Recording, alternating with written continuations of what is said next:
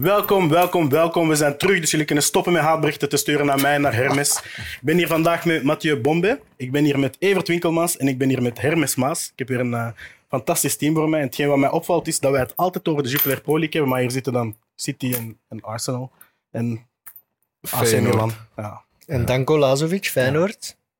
Danko Lazovic, vind ik wel een mooie. Welk jaar is dat? Ik denk 2006 of zo, ik weet het eigenlijk niet. Fortis. Maar dat, is dat, was dat geen Belgische bank? Oh man, jij weet zo, zo de, uw geschiedenis.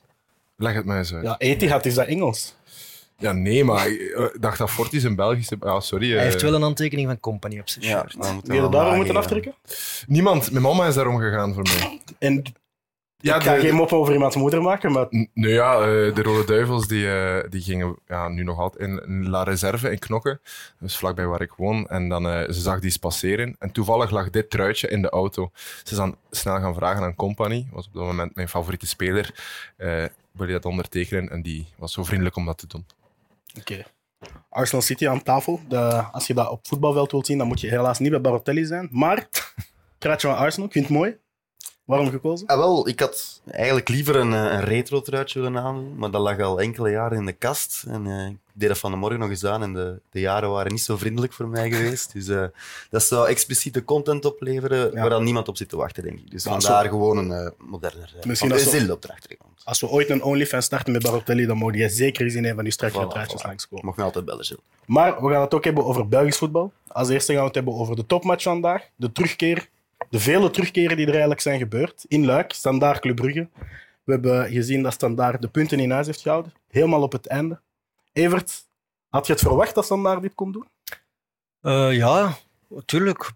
Ze waren in een goede flow. Ik vind dat Hoefkes sinds de transfers die ploeg wel terug een ziel heeft kunnen geven. Die vechten ervoor. Dus waarom niet thuis? Het was ook echt een uitzinnig publiek weer. Het was het oude standaardpubliek. Dus waarom niet? Natuurlijk, op het veld, Brugge was beter. Ik vond Brugge wel de betere match spelen. Ja. Maar Standaard grijpt zijn momenten beter. En, en, en ja, ze vechten ervoor, ze gaan ervoor. Ze hebben een spirit, ze hebben een drive. Uh, en dat kan ik wel enorm appreciëren. Maar Brugge was beter. Ja, ze verliezen wel. Ik had de indruk vooral een Brugge van... Een Standaard van een maand geleden die verliezen die match nog met 1-2. Ja, maar dat is ook een ander ploeg natuurlijk. Ja, ja maar nu hebben ze wel die kwaliteit. Voilà. Af en toe zie je wel momenten bij Standaard ja, die injectie die ze gegeven op het einde van de transfermarkt, ja, dat rendeert gewoon. Ik vind ook eindelijk van achter staat het nu goed. Ik vond Van Eusden, Bukadi, is echt wel, echt wel stappen aan het zetten. Ze zijn echt wel veel beter aan het verdedigen. Uh, en zo hebben ze het ook over de streep getrokken. Het is niet dat ze wervelend aanvallend voetbal spelen of dat je al ingenieuze looplijnen ziet. Uh, dat helemaal nog niet, maar ze werken er wel voor. En exponent, vreemd genoeg, is Soa. Ja. Vind ik. Dat is echt de hoefkespeler. Die gast die loopt, die loopt, die loopt. Dat ook verreweg de meest intensieve loopmeters van heel de match. Ja, en dat is toch raar, want ja, bij Brugge toch door de mand gevallen en eigenlijk makkelijk weggestuurd. En bij Hoefkes ontbolstert hij weer. Ik heb wel het gevoel dat, dat ja, zoals dat gezegd, dat is een Hoefkes-speler. Ja.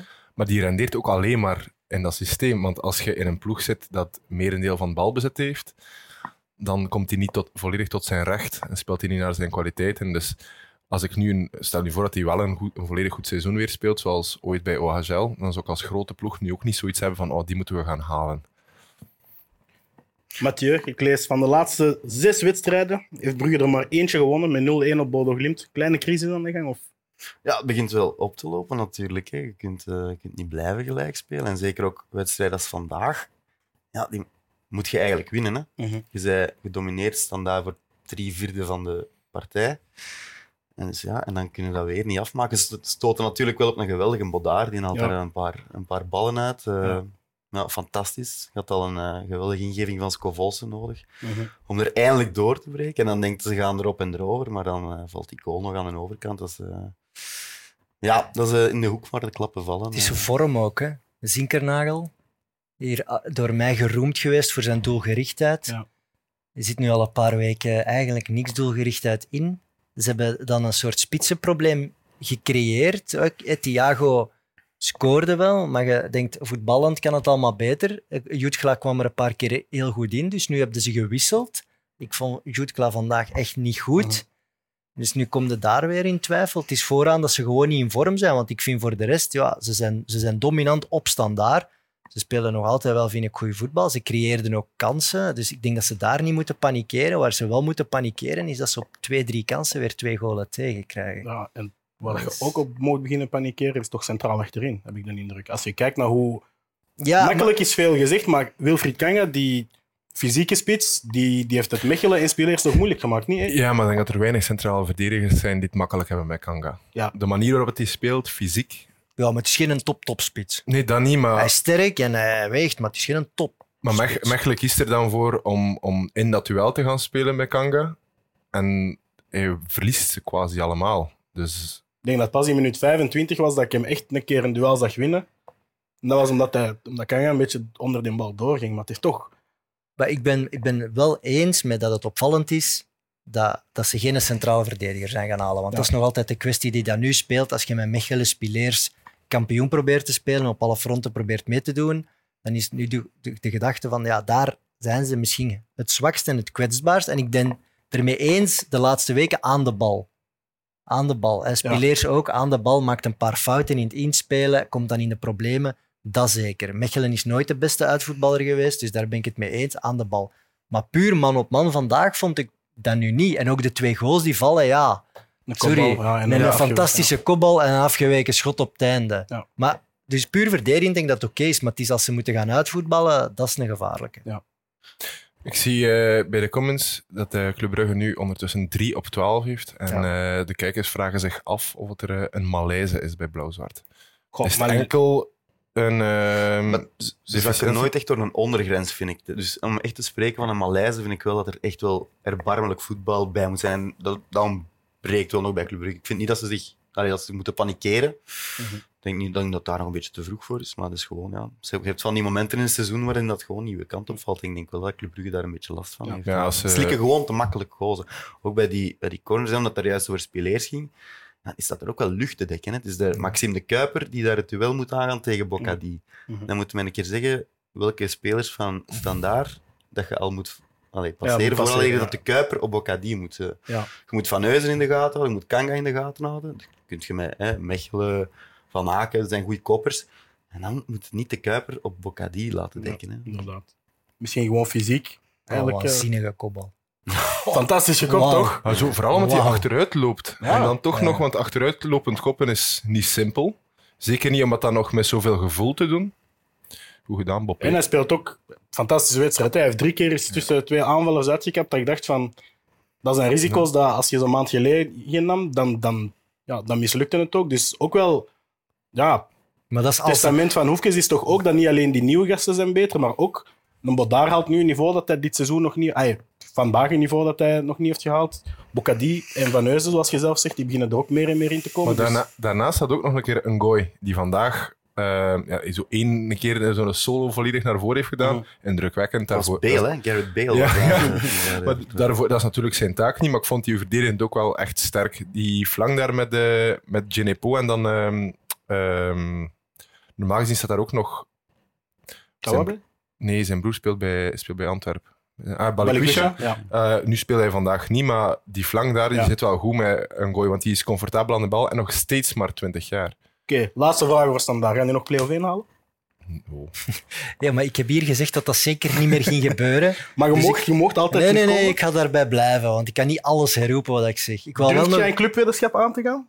over standaard. Ja. Ja, maar hoeveel wetenschappen lopen er van mij nog? Staat er hier ergens een bord? Eigenlijk gaan wij zo'n Dat bord is ergens moeten zetten met alle verloren wetenschappen van Ebert dit seizoen. Ja, wat ik wel nog wil aanreiken, is toch die, die buitenspelfase op die eerste goal. Daar gaat heel Ja, veel over gesproken worden. Ik denk dat Brugge-fans zich daar echt gepakt voelen. Ja. Je krijgt een beeld te zien waarin eh Bocadi offside staat. Daar komt het op neer. Ja. De rode lijn is voorbij de witte lijn. Ja. Dus je ziet, er is een technisch gegeven, de 3D-lijn, die zegt eigenlijk het is buitenspel.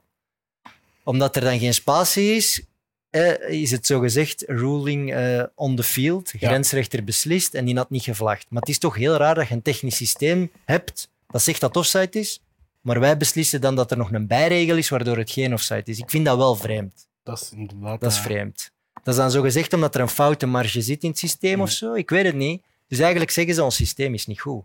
Wat is dan de gouden middenweg? Ehm, Voor Evert Winkelmans bijvoorbeeld. ja, maar het systeem zei offside. Waarom zouden we daaraan twijfelen dan? Ja. Nu zijn we twijfel aan het zaaien over watgeen dat we al maanden aan het doen zijn met die lijn, toch? Die spatie zetten is echt voor... Dat is echt... De marges gewoon... Ja, verkleinen, maar je houdt ze eh, nog steeds. Ik weet, ja, ik Het snap- doel zou moeten zijn om alle marges te ver- verwijderen, denk ik. Ofwel volgen we het systeem altijd, ofwel schaffen we het af. Maar dit vind ik raar. Ja, op die manier, eh, met dat je de interpretatie van de scheidsrechter nog altijd behoudt, creëerde wel een grijze zone waar dat evengoed zwart-wit zou kunnen zijn. En dat zou makkelijker zijn. Maar weet je, het is ook zo, hè, we hebben nu zo een tijd waarin dat we zitten, we hebben die grensrechters zo gedrild, dan Mhm. altijd wachten, wachten met vlaggen, die, die hebben zich daar ongetwijfeld aan aangepast. Dus die mens heeft ook waarschijnlijk iets van, ik heb het niet gezien, ik vlag niet en ze zullen mij wel corrigeren als vanuit de VAR. Ja. Dus ik heb zo, ja, misschien, had hij wel dat gevoel van, misschien is het wel best wel, maar ik ga, ik ga het gewoon laten doorgaan en we zullen zien met Wel, ik vraag me af of het... eh, of Ze vlaggen minder intens, hebben wel moment- de indruk, toch? Hè? Ik vraag me af of het die op het moment van die fase doorheeft dat zijn wel of niet vlaggen ehm, van Telles. Ah, nee, want Als dan de- moet hij weten dat er maar een spatie zou zijn. Ja, ja, inderdaad. Dus, ja, Dan moet je eigenlijk altijd vlaggen als je denkt dat er een spatie is. Allee, ja.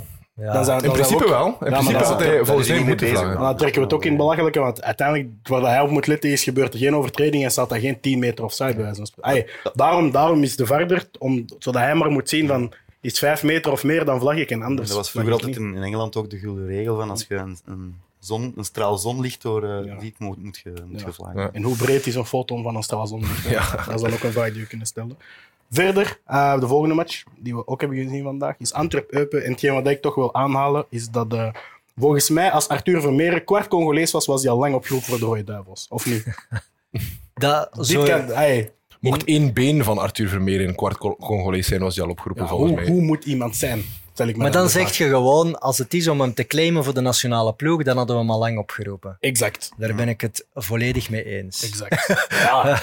Maar het is sowieso los daarvan, is het gewoon heel vreemd dat hij er nu niet bij zit. En dan komt dat toch weer in een verhaal van een coach die te veel nadenkt en die te veel ja, zichzelf wil zijn op een, een of andere vreemde manier. En dan aan een uitleg begint hij zijn eigen hoofd, die voor mij geen steek houdt, Tedesco in dit geval. Ik, ik snap het echt niet, eigenlijk. Ik zou één een uitleg kunnen accepteren. En Zie- dat is als je zegt: we spelen voor kwalificatie, dus mijn beste elf spelen.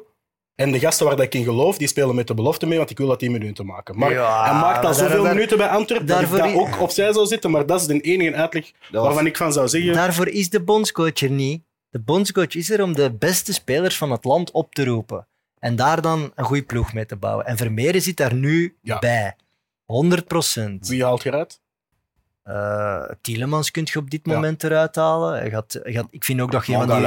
maakt hij zoveel indruk dat je er niet naast kunt of dat je daar niet rond kunt. Want dat is, dat is een beetje, we hebben het daar net ook even over gehad. Ja, de uitleg klopt niet. Hè. De uitleg, hij zegt, Tedesco zegt letterlijk van, ik heb al genoeg types Vermeeren rondlopen nu op dit moment. In deze selectie bij de. Noemt ze mij een keer op. Nee, want het gaat dan... er- selecteert, hij selecteert dan wel Keita. Niks verkeerd met Keita. Speelde een ontzettend sterk begin van het seizoen. Maar denk speelt er veel- beter. maar ik denk dat er al veel meer type Keita's zitten in, die, in de selectie. dat Dat ik dan zeg van ja, waarom pakt hij Ja. dan... eh, En Keita kan dat- uitkomen voor Guinea, maar Arthur Vermeeren niet. Dat is wat ik zeg. Gel- Ay, geloof me nu zeer, als Arthur Vermeeren half... Als hij zijn oma blijkbaar in Frankrijk was geboren, Ja. had u die al, toch al drie selecties gegeven. Maar er zijn heel veel anderen die, die, dat, die dat heel agressief doen. Hè. Heel snel jonge gasten oproepen en direct eh, ook erbij bij betrekken. Lamine Yamal is een heel duidelijk voorbeeld weer in Spanje. Eh, Frankrijk doet dat ook. Ja. Maar ook om de, spelers, om de kwaliteiten van de speler direct op dat niveau erbij te betrekken. Gavi zat nog, zat nog op de bank bij Barça toen hij al werd opgeroepen voor Ja. de nationale ploeg. Dat kan allemaal, hè. dus sluit dat niet uit. Hij is gewoon bij de beste. En ook, het gaat dan over welke kwaliteit hij heeft. Hè. Dus hij heeft niet hetzelfde profiel als Keita. Maar de laatste weken vind ik Vermeeren ook verdedigend beter dan Keita. Dus zelfs, aanvallend. dus zelfs daar vind ik het echt nonsens wat Tedesco zegt. Ik denk vooral... Om, Maar spelen de, ik de vraag belofte af- spelen toch ook voor niks? Nee. Die spelen voor kwalificatie, EK, maar is dat niks, belangrijker niks dan- dringend. Ja, niks die dringend. spelen niet, die spelen vraag- niet een eindronde nu. Ik vraag me vooral af voor een, voor een coach die nogal geënt is op data. Welke data heeft Vermeeren niet dat ervoor zorgt dat hij er niet voor kiest? Zou een fysiek misschien te, te zwak... Maar ja, hij zegt eh, ook van het zijn, het zijn fysiek sterke tegenstanders. Allee, ja, Maar hij, voet- hij ziet er misschien uit als een kind, maar hij voetbalt niet als een kind. Hè? ja, dat is zeker Ah. niet. Als je hem vandaag hebt gezien, we zullen het eens over de wedstrijd hebben. Antwerpen met 4-1 van Eupen. Wie was er goed? Ja. Wie was er goed? Ja, hij scoort de ja, eerste, ja, assist voor de tweede, hij geeft een pre-assist voor de ongo. Ja, ik bedoel... Dat is het ding ook, hij is beslissend ook. Hè. Dit seizoen meer dan ooit. Hè. Arthur Vermeeren. Het is hetgeen wat je vaak, vaak uh, kunt verwijten aan spelers. Van, ja, je, hebt al, zeg over Bill Elkanus hebben we het seizoen gezegd. Van, denken, maar hij is goed, maar, maar eindproduct. Maar dit is een middenvelder die maar de... ook beslissend begint te zijn en duidelijk maakt waarom dat, ja, het middenveld rond hem draait. Ja, Elkanus is dan een aanvallende speler, maar je ziet vaak bij, bij centrale middenvelders of, of eerder verdedigend uh, georiënteerde middenvelders, dat die als die zoveel over, overwicht hebben in een, in een ploeg, dat die zelfs aanvallend een, uh, nog eruit kunnen komen met goals of assists. Mhm. En dat is nu wel duidelijk het geval bij Vermeeren. Ik zie ook vaak uh, de reactie terugkeren van oh, dit is de, de beste stap, maar ik denk dat dat vooral speculeren is. Zijn er ploegen waar jullie Vermeeren graag zouden naartoe zien gaan? Die wandelt in het middenveld van AC Milan vandaag. Hè? Zit hij daarover, als, die, als je nu als je een transferperiode gewoon continu open zou zijn, in, in, een, in, een, in een hemelse, in een Walhalla, en die vertrekt morgen naar Milaan, ik beloof het u, die speelt over twee weken tegen PSG. Neemt hij de rol van uh, Tonali over dan? De rol van Krunic. Krunic. de rol die dat Krunic zou moeten vervullen. Zo, ay, die start toch in, in, in de helft van de Champions League ploegen, start die toch op dit moment? Hadden we datzelfde soort discussies ook over de ketelaren vorig jaar? Dat vraag ik me dan af van, hoe, waren we vermeerdere plaatsen in dat, soort, in dat spectrum van hoe goed is iemand? Werd de ketelaar, de ketelaar op hetzelfde niveau opgehemeld dan Ik denk het wel. Zij toch 35 miljoen en dan, ja, bij Milan moest hij, moest hij direct gaan starten. verbrand dus- wel, hè? Allee, ja, ja, verbrand als in de zin van, het was wel te rap. Of het was niet de juiste stap. Dus is ook een aantal... bij Vermeeren ook wel... Ja, dat je daar zomaar zo wat ploegnamen tegenaan gooit, van hij moet naar daar, van die competitie. Ja. Het is, het is ook het aanpassen, denk ik. Hè. Ik denk, ja, uh, als je heel je leven in, in, in Brugge hebt gewoond en dan in Milaan komt, dat is een heel andere wereld. Maar hetzelfde geldt voor als je van Antwerpen naar, naar Barcelona bij van spreken. Ik denk dat dat nog een valkuil kan zijn voor Vermeeren, dat je ergens gaat binnenkomen in een kleedkamer. Uh, voor heel veel geld gehaald, maar nog niet door de andere spelers aanzien. Ik denk dat dat een beetje de ketelaar zijn probleem was, dat je zo langs twee kanten getrokken werd. Van ja, je bent wel een super recordtransfer, maar binnen de kleedkamer moet je nog alles bewijzen. Als je dan een beetje een timide jongen bent, denk dat dat moeilijk is. En ik denk dat Vermeeren daar wel voor moet oppassen. Ik denk niet dat je nu naar Barcelona of Real Madrid moet gaan. Want dat wordt dan wel geschreven. Hè, Xavi of Iniesta, kan allemaal wel zijn, maar ik zou dat nu nog niet doen. Ik zou een andere ploeg zoeken. Want dat is crazy. En ik denk dat AC Milan ook te crazy was voor de ketelaren. Het blijft wel AC Milan. Ja. Dat is het epicentrum van een van de grootste voetbalsteden in Europa. Amen. Ja, maar dat, die, allee, dat, is, dat is, wij mogen dat echt niet onderschatten. Ja, dus ik zou Vermeeren, pas op, denk rustig na, blijf kalm. Hij is geweldig, hij heeft op Champions League niveau bewezen. Uh, die gaat er sowieso komen. Sowieso. Misschien kan hij zo'n bureau onder de arm nemen. De Pai heeft dat ook uh, ooit gedaan na United. Zo naar een uh, soort van data-slash-makelaarsbureau die zo op zoek ging naar welke clubs en welke trainers zou jij nu goed bij passen. En dan is hij uh, bij Lyon terechtgekomen. En dat was een goede zet voor hem. Eigenlijk zouden de clubs dat beter zelf doen, denk ik dan. Maar... Absoluut. Uh, ja, voor, uh, maar dan echt iemand die onafhankelijk is en die echt puur denkt in het Openda, belang van de spelers. Openda heeft ook wel ja, die die, die, op die manier eigenlijk zijn transfer naar Leipzig afgedwongen door echt zelf te kiezen van dat is een club die bij mijn mm -hmm. spel past, bij mijn kwaliteiten. Dat is wel heel slim. Ja, als dat goed uitdraait, is dat makkelijk gezegd. Er zullen er ook veel mislukt zijn. De ketelaren zal ook wel nagedacht hebben ja, over waarom hij wel bij Milan kan passen, natuurlijk. Maar ja. Ik kreeg er straks trouwens een vraag in onze Instagram, uh, nu we het over Antwerpen hebben. En iemand vroeg of dat Wijndal een upgrade tot nu toe is op Avia. Nee. Ik vind dat hij sterk tegenvalt. Ja, maar wat is tegenvallen wat je dan verwacht? Dat daar Roberto Carlos was? Nee, absoluut niet. Maar ik vind hem nu Um, als ik nu die verdediging zie. Vind Bataille, ik hem, Alderweireld, Koulibaly, Wijndal. Uh, is hij degene die met het minste indruk op mij maakt. Ja. ja. En ik had wel gedacht dat hij daar uh, zijn mannetje zou staan, minstens. Maar het is geen schande anderzijds. Hey, nee, het is niet, het is nee, niet hij heeft nog geen schandalige niet... dingen gedaan, maar als ik die verdediging zie, is wel het eerste dat ik denk van, ah, daar moet, daar, als je kunt upgraden, als je de middelen hebt, is nog altijd die positie. Ja, maar hij zou een upgrade moeten zijn geweest, bij wijze van, bij wijze van spreken, als je kijkt naar de manier waarop ja. dat een transfer is gebeurd. Haalt iemand toch van Ajax. Maar het was een handigheidje op de transfermarkt om niet in de problemen te komen op linksachter. Want Avila wou weg, wou naar Ajax. Het was niet lang meer in de transferperiode. Het was een ideale situatie voor Antwerpen om dit nu te doen. Ja, Wijndal wist dat hij niet ging spelen en ineens komt iemand die hem wel speelminuten kan bieden. Dus ook gehaald iemand met in je achterhoofd het idee van ik haal die Wijndal van AZ. Hè. Als je die haalt dan Ja. bij Ajax, is die... Allee, Maar ja, zelfs toen, die was, was die was toen verschrikkelijk goed. Ja, Eh, zeker. deze week speelde ik nog voetbalmanager van vorig jaar en die zat bij Manchester United. Was daar een van de betere spelers. ook, hè. Ja, die was, eh, de toekomst die hem werd eh, toegeschreven was enorm. En nu zit hij bij Antwerpen en nogmaals, die, ik ben er nog niet van onder de indruk. Maar- kanten. Wanneer is, kan nog komen. Abso- ja, ik hoop het voor Antwerpen eh, en voor een eh, Champions League ehm, ambities. Ik Ja. denk dat ze blij gaan zijn dat ze wat goals gemaakt hebben, toch?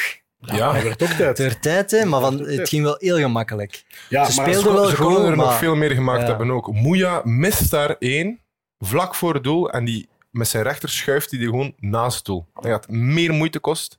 Eh, daarvan wil ik de XG een keer zien van die kans die hij daar mist. Ja, maar goal probability. Eupen, ja, 0 op 15. De verdediging echt, ja. 22 tegendoelpunten. on, ondermaats. Ja. Ik kan dat niveau niet aan. Sorry, op dit moment Ja. is het. eh, de, ze hebben heel veel geluk dat ze die 10 punten al binnen hebben. En ik denk dat die Duitse coach nu stilletjes aan op zoek moet gaan naar, naar hoe hij echt Eupen in eerste klasse kan gaan houden. Ja. Ik denk dat dat wat verbloemd is geweest die eerste weken. En die coach is een goeie, je ziet dat, je voelt dat. Eh, maar die verdediging begint meer en meer ja, toch naar hun eigen kwaliteiten te spelen, vrees ik, een beetje. Ja. En is hij niet- gaat dat niet kunnen oplossen maar op dit moment, want op de bank he- heeft hij het niet. Nee.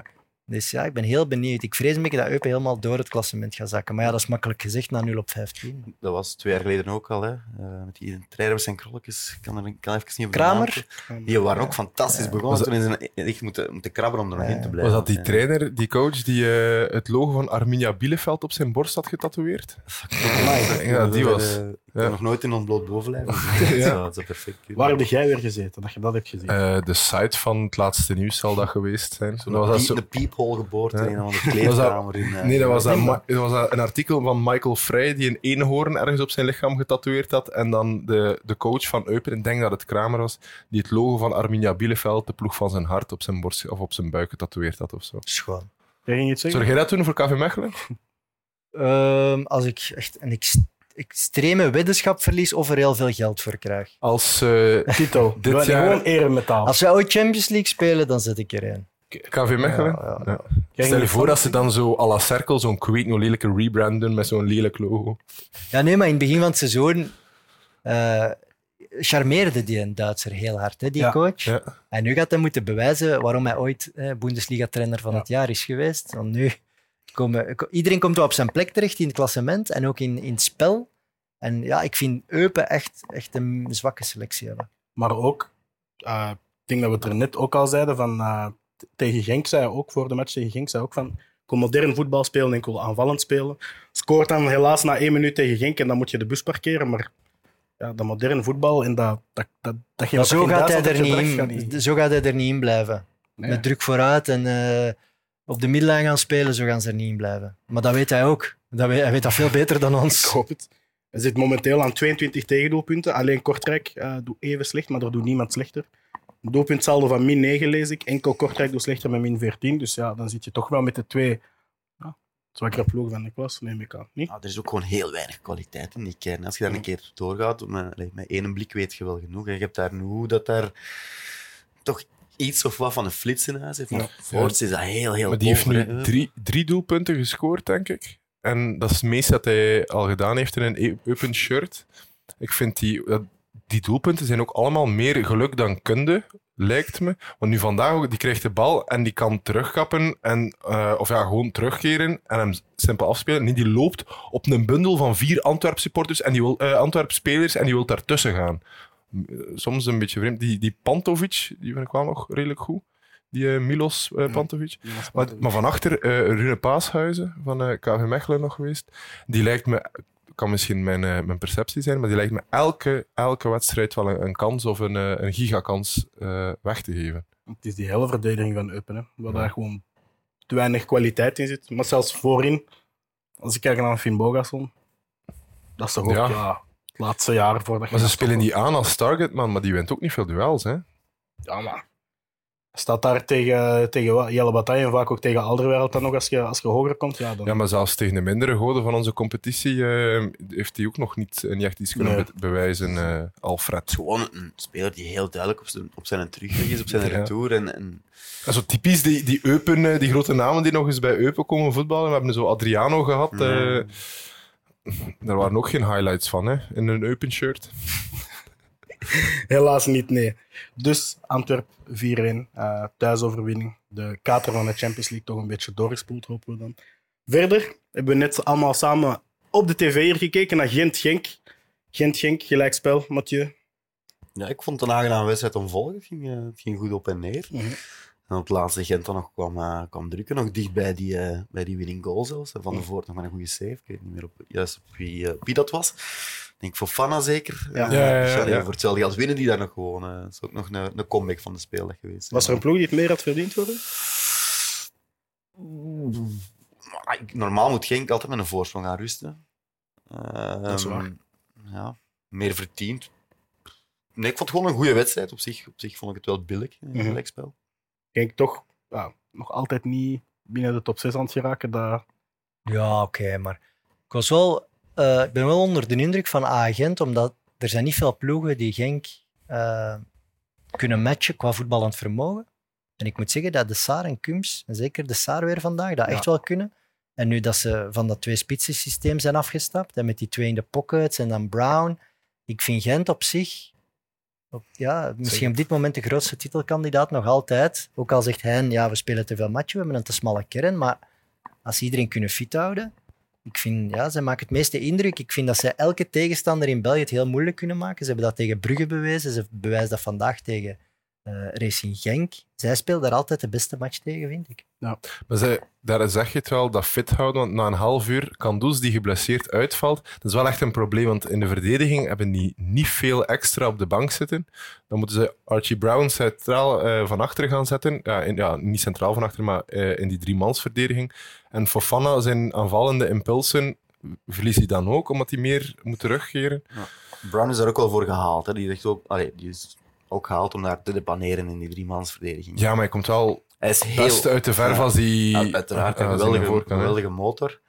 En inderdaad, een aanvallende impuls, maar kan wel zijn slag trekken in een driemansdefensie. eh links Ja, en als je dan Orban eh, van de bank eh, kunt halen om er dan nog op te brengen, zo'n groot probleem is dat nu ook weer niet. Maar er mag niet nog één uitvallen, want dan komen ze wel in de problemen. Dat is waar hij altijd op hamert, toch? Dat er zo'n eh, En Hong moet nog terugkomen. kern ook. heeft. Ja, ja, want Jules Segers deed het nu wel goed. Vond ik. Allee, die gast die werkt wel hard, Ja. vind ik. En die heeft zijn, af en toe zijn momenten, maar Hong is wel echt een niveau hoger. Ja. Dus denk als je met Fofana en Hong in de pocket kunt spelen achter Kuipers, die er ook nog niet bij was, dan zijn ze nog beter. En dan nog deden ze het vandaag tegen Genk heel erg goed. Hebben ze veel kansen gecreëerd. Dus eh, ja, ik vind, ze wel, ik vind het goed. Hij heeft het op de rit dit jaar. En eh, ik denk dat ze gaan meedoen helemaal tot op het einde. En ik denk nog altijd Racing Genk ook. Echt waar. Ja. Allee, Toch? ze blijven zoveel creëren. Dat is waar. Ze blijven, allee, ze hebben nu met die tweede spits erbij te halen duidelijk echt vooraan meer wisselmogelijkheden, meer concurrentie, trekt iedereen naar omhoog, maakt vandaag echt wel een goede goal. Eh, nee, ja, die gaan alle twee meedoen, dus dat wordt nog heel plezant om volgen, want het, de nivellering in België is echt wel naar boven. Niet van onder, maar naar boven. Ik Ja. vind echt, er is een top 6, 7 eh, die echt heel hard aan elkaar gewaagd is. En ik, we hebben over het laatst een Super Sunday gehad dat ik dat ook zei. Ja. Dat al die matchen eigenlijk heel dicht bij elkaar lagen. En Ja. dat was nu bij Gent-Genk ook. Ja. Dus ik moet, dat, eh, ik, moet, ik moet dat fantastisch vinden als neutrale fan. Dat is geweldig om naar te kijken. Je hebt zes ploegen die eigenlijk... drie, vier ploegen die wel moeten ambiëren om Champions League te spelen volgend jaar. Ah ja, en ze gaan er ook allemaal in gaan geloven. Hè? Want we hebben er nog een paar ploegen te gaan die, die ook moeten denken dat ze gaan meedoen. Om Anderlecht niet te noemen. Dus dat is heel goed voor ons voetbal. En er gaan er ook teleurgesteld zijn. Dus de, de spanningen gaan sowieso hoog, op, hoog oplopen dit jaar. Want allee, Wouter Franke, je ziet dat nu al. Die zit al een verbetenheid van alles wat er vorig jaar gebeurd is recht te zetten. En Van Azenbroek die wil nog eens een laatste kunststukje uithalen. Ronnie Deila bij Brugge, gelijk dat die aan het seizoen begonnen zijn, sorry, die moeten echt meedoen voor de titel. En Anderlecht is eindelijk een beetje aan een comeback bezig. Dus gewoon een, dat wordt echt tweede, een goed seizoen. Ja. Dus kijk super hard naar uit. En je hebt Antwerp zelfs nog niet genoemd, dus eh, ik denk dat ploegen Ah, ja. vier, vijf, die gaan sowieso enorm teleurgesteld zijn. Ja. Dus er gaat geen ploeg afstand nemen. Ik denk dat dat gaat niet gebeuren. hè. Racing Genk had vorig jaar op een gegeven moment 13, 14 punten voor. Dat gaat dit jaar niet gebeuren. Verwacht je dat er veel wintertransfers gaan gebeuren wanneer dat er veel ploegen zo dicht op één bovenin zitten? Ik denk het bij, bij Brugge bijvoorbeeld zie ik het zeker gebeuren. Ik denk Standaard, als die Ja, nog kort bij de top centraal 6 achterin. staat, die gaan ook nog wel iets doen. Eh, en ik denk dat Hein van Aasbroek ook nog wel eens op de deur gaat kloppen. Dus eh, ja, ik denk het wel. Dus jij denkt toch nog dat er En de vertrekkers? Gaat het lukken eh, voor al die... eh, ik stel nu de ploegen die 4 en 5 staan. Ja, maar Die, bijvoorbeeld... gaan er die spelers ik- zijn die zeggen... Or- eh, Orban Kuipers bijvoorbeeld, daar hebben we het nu al genoeg over gehad, die gaan in januari volgens mij niet weggaan. Een Archie Brown die er dan zes maanden zit, die gaat niet vertrekken. nee. Dus ik denk dat zo'n Noosa heeft ook gezegd, die gaat niet vertrekken. Dus dat, Ja. ik, zie er, ik zie er niet veel toppers vertrekken eh, in januari. Orban heeft dus nog niet een beetje schrik van zo'n eh, een Emmanuel Dennis verhaal bij Orban. Ja. Het, is, het, het Ik wel, hè. zit toch een beetje... Zit niet veel rek meer op, heb ik de indruk. Dat gaat De- er toch een keer, een keer ontploffen. Dat Gaat, gaat- gaat je voor altijd zonder... zonder allee, ik weet niet of dat er een officieel bod is geweest, hè, want Mhm. dat is eigenlijk nog altijd niet uitgesproken geweest door agent. Maar is er een ploeg geweest die 20 miljoen heeft geboden netto, ga je voor altijd balen dat je dat niet hebt Ja. gepakt. Ja. Maar ja, andersom kun je ook het, eh, kun het, kun je het toch bekijken. Bij Onuachu, ja, hebben ze, uiteindelijk, het is mijn belofte. Hebben ze ook voor zij- minder ja. moeten settelen. Hè? ja, ze hebben hem Ja. verkocht en zij zullen er ook spijt van hebben gehad. Want als je hem niet verkoopt, speelt je waarschijnlijk kampioen. Dus, Dus van alle Ja, tijden, Aruna die dan in de tijd is ook voor veel minder gegaan dan dat hij eigenlijk waard was. Omdat ze Mhm. ook te lang hebben eh, hem bijgehouden. Dat gebeurt. En Onuachu is ook dan nog op en top prof gebleven tot op de laatste minuut dat hij in Genk rondliep. Ja. Hè. Zo, bij Orban heb ik daar wel mijn twijfels over, eerlijk gezegd. eh. Maar wie weet is hij wel de man die plots toch die klik gaat maken, dat hij die prikkel wel nodig heeft. Want het is wel heel duidelijk dat hij van Azenbroek aan, aan, een beetje aan het zoeken is, toch? Ja, van, kom. Ja, Van kom gast, laat het nu eens echt zien. Laat wil ook- hem prikkelen, hè. het is Ja. een van de weinige dat- keren dat hij een speler nog niet... Ah, het is ook waarschijnlijk de enige in zijn kern waar dat hij het nog niet de oplossing van heeft. Want als hij die vindt, is het wel... Ja, dat zijn, dat zijn 10, 15 doelpunten dat hij nog kan maken. Hè, En eh Tissoudali vandaag in de 16 meter toch weer een beetje tiki-taka Tissoudali van vroeger. Hij moet hem afmaken, Ja. maar hij is wel terug. Die Ja, kapbewegingen zijn wel terug. Maar het is... Hij zet zijn eigen zegt. twee keer alleen voor de goal. Dat is waar. Ja, dat is waar. Dat is, hij, hij is back. En dan heb je... eh, Ja, dan blijf ik erbij dat Orban niet in die basis zal staan.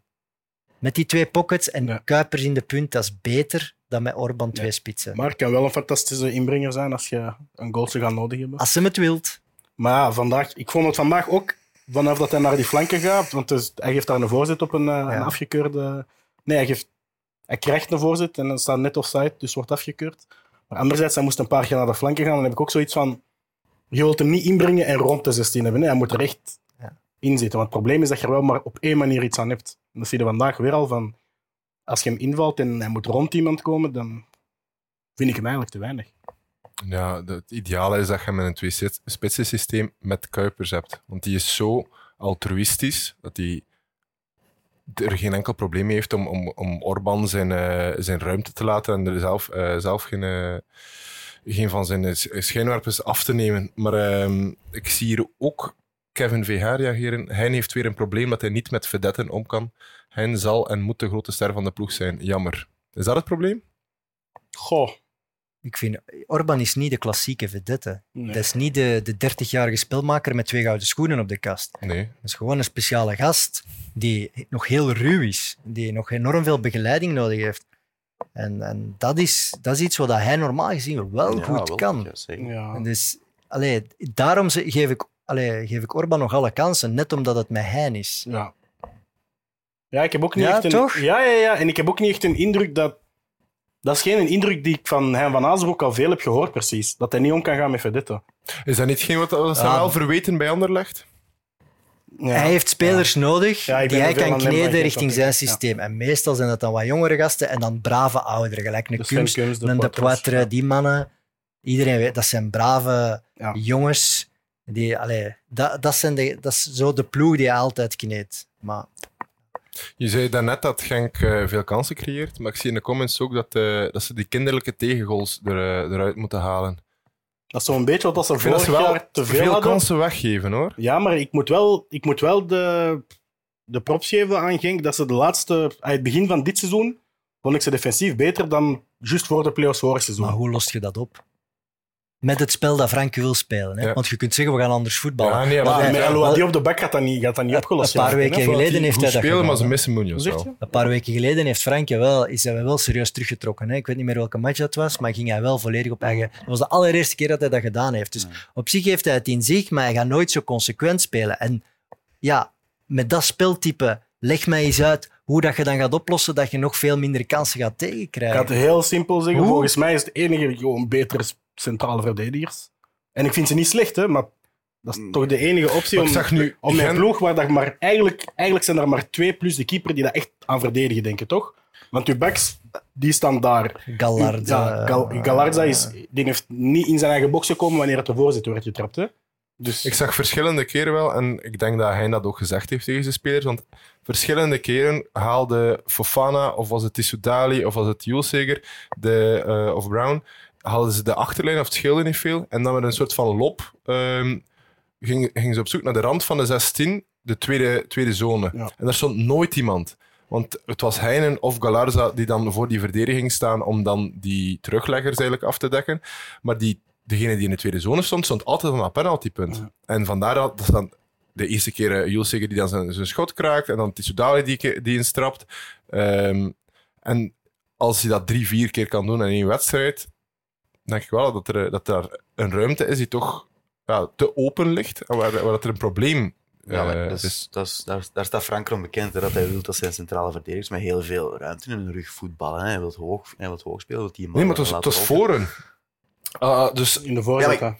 Maar dat, in principe de ruimte die, die Galarza moet afdekken. Maar die staat daar gewoon niet, omdat die, die is gewoon aan het meelopen met zijn man. Maar dan elke keer opnieuw als er een middenvelder die inkomt lopen, een middenvelder die komt in- eh, inlopen. En eh ja, Canoes die zo hoog, El Canoes die dan zo hoog staat, die komt niet mee.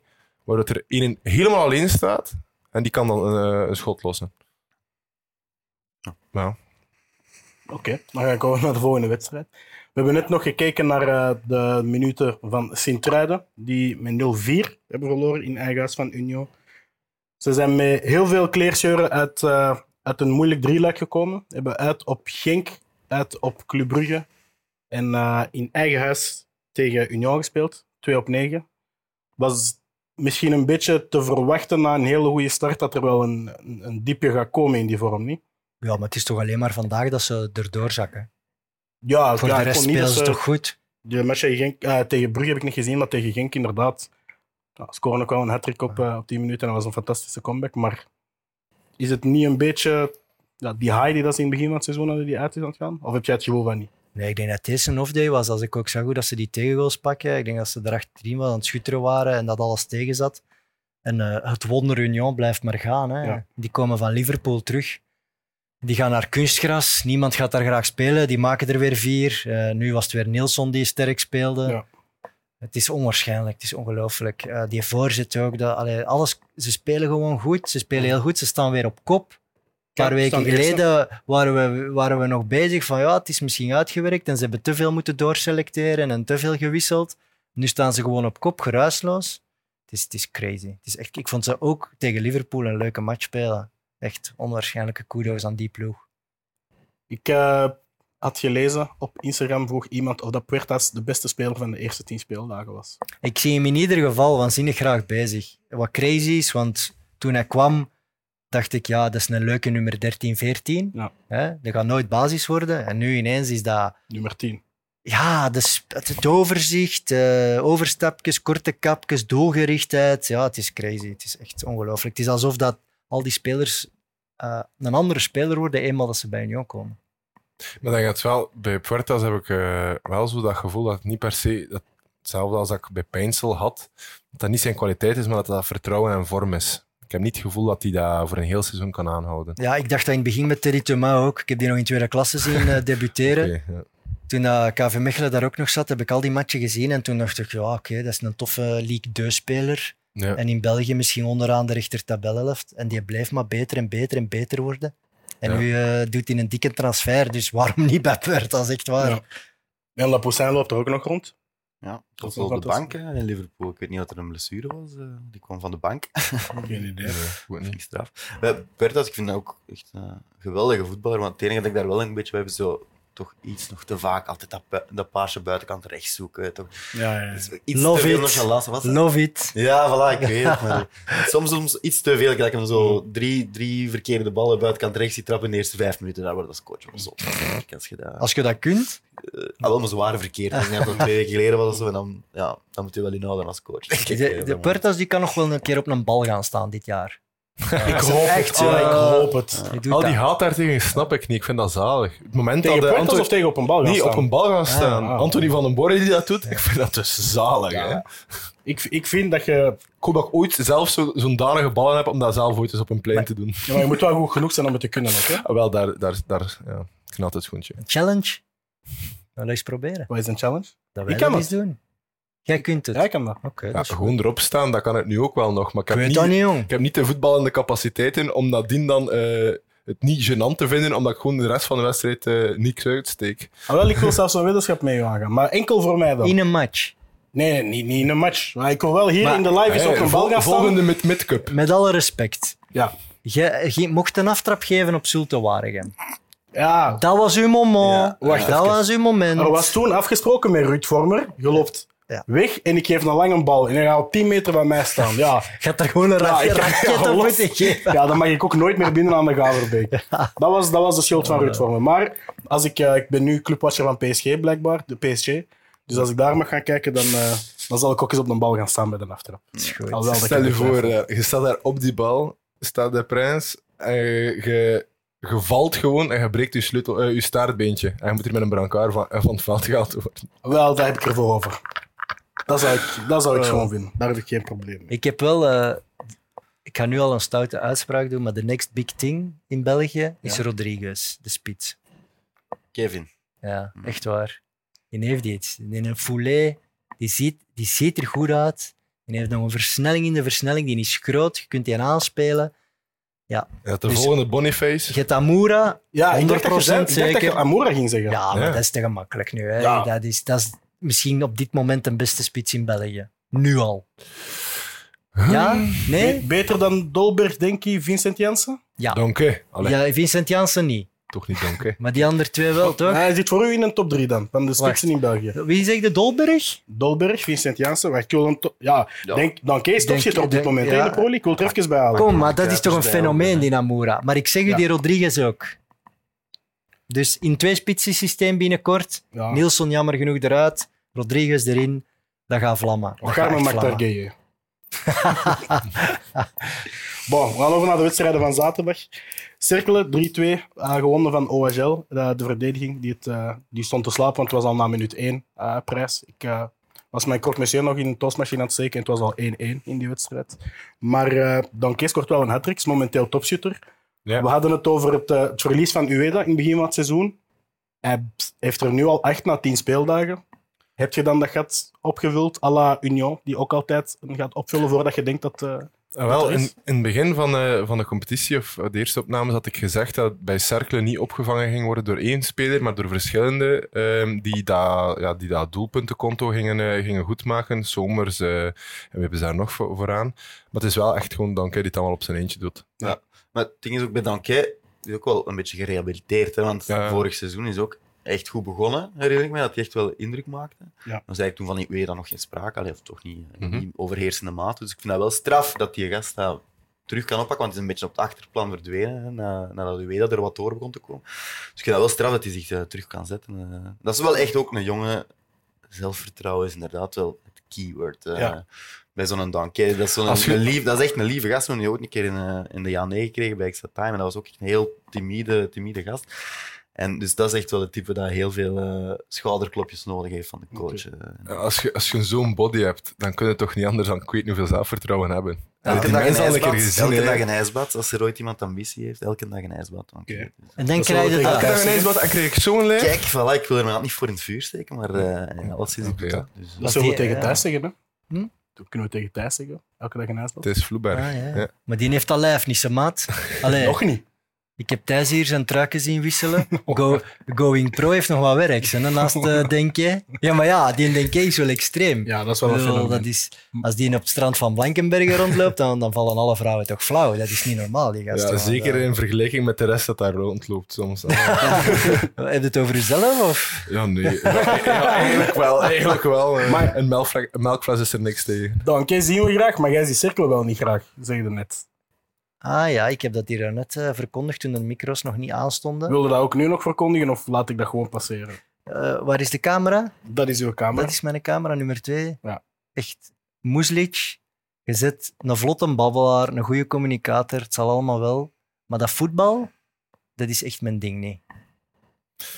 Mijn ding wel. Te direct? Ik, ik zie het wel graag. Te weinig nauwkeurigheid? Wat, wat ontbreekt er voor u? Ik, uh, ik, vind het, ik vind het niks. Het is voor mij geen voetbal eigenlijk. Ik snap baas KV. Nee, nee, nee, dat, is, dat is echt. Ah, ja, maar ik ben ja. niet aan het lachen met u. Jawel. Nee, nee, nee, want de KV heeft op momenten dit seizoen echt al wel mooi voetbal gebracht. Ja, Mooier maar mooi, voetbal het gaat me niet om mooi voetbal. Maar, Maar, maar Cercle staat wel zesde en KV Mechelen twaalfde. Als Het ding is- elfde, verfijnd, sorry. maar het ze is halen punten en ze dwingen veel kansen af en op hun manier. Maar ze voetballen niet echt. Terwijl ze volgens mij wel gasten hebben die dat wel echt kunnen. Met een Hugo Ik, Sique ik mee. zie Minda. soms echt vijf minuten lang dat het gewoon pingpong is. Omdat ze alles zo snel diep... Maar gewoon zonder nadenken, die drie van achter, boom, boom, boom. En ja, dat is plezant als je wint. Maar als neutrale fan zit er dan naar te kijken na vijf minuten, denkt je, allee, is er nog een herhaling van The Bold and the Beautiful? Allee, ik bedoel... Nee, de boom, boom, Wat? boom, heel de tijd, die lange ballen, dat is gewoon te veel voor mij. Dat is echt te veel. Zo, het zit daar op. Hè. Zo, is de vergelijking met Tron Solid van Club Brugge wel in Ja, midden jaren 2000? Gaat die een beetje op of niet? Nee. Dat was ook een, een, zo'n geoliede machine, dat was ook op, op drive, op pit. Op, eh, Ja, maar daar zat ook wel looplijnen en driehoeken in. Ja, en ja. Bij cirkelen ja. is het lang, tweede bal, bal verliezen, druk Ja, zetten, ja. ingooien, En corner afdwingen. Terwijl ze Ja, altijd misschien- wel goede spelers hebben nu. Hij scoort nu wel een hat maar het zijn ook wel geen, geen schone doelpunten dat hij scoort. Hè. Die derde oké nog, maar dan zo, zo zijn been ertussen. eh. Ik herinner mij toch wel nog koos van Cercle, begin van het seizoen. Ja, nee, maar ik heb het gewoon over die- tikken nu. wel, hè. Ja, ja. Ze kunnen echt Nee, wel voetballen. Hè. ze kunnen wel in de voetballen, laatste, in de laatste deze wedstrijd- kunnen ze wel een, combinatie, een korte combinatie opzetten die wel... allee, En dat is ook wat dat ze willen natuurlijk. En ik begrijp die filosofie. Waarom zouden wij op die eerste 70 meter van het veld energie liggen te Mhm. verkwisten, terwijl we het even goed daar kunnen gaan Ja. doen? Dat begrijp ik, maar het is soms echt, echt niet om aan te zien. Het is niet aantrekkelijk. Dus, Maar- ja, Het is hebt een type toch- voetbal, hè. je moet ervan houden. Maar je hebt daar toch eh, helemaal niet van. echt enkele aantrekkelijke spelers. Die Alaminda vind ik wel Ja, eh, leuk om naar te kijken. ja. eh. Sique is eigenlijk ook, als je ziet is ja, voorzitter dat hij kan trappen op een dag. Die Boho, oké, soms het is een hit en miss, want Boho heeft zijn mindere wedstrijden ook natuurlijk, maar soms speelt hij echt matchen dat ik ervan kan genieten. Maar er zijn natuurlijk ook spelers, en daarom zullen ze niet bij Cercle spelen, die dat niet, niet kunnen of niet willen. En, en dat zoeken ze ook. Hè. Ze, ze maken een ploeg. hè. De maakbaarheid van het voetbal zit in die ploeg. En dan, ik heb respect voor dat, voor dat idee en dat plan en voor die uitvoering. En, en het levert ook resultaat op. Want normaal gezien eh, zal Cercle niet altijd meedoen voor play-off 1. Nu voelt je gewoon, die mannen gaan meedoen. En Voor het tweede jaar op rij. hè. ja, voor het tweede jaar op rij. En ze doen dikke transfers, doordat die statistieken zo goed zijn van die aanvallende spelers. Dus dat snap ik allemaal wel. Maar ik, ik, ik zou mij er serieus moeten overzetten als, als Steven de Voer elke week zo zou spelen. Maar is dat niet een proces waar je moet doorgaan als je... Want ja, elke, elke club heeft de ambitie om een grotere club te worden.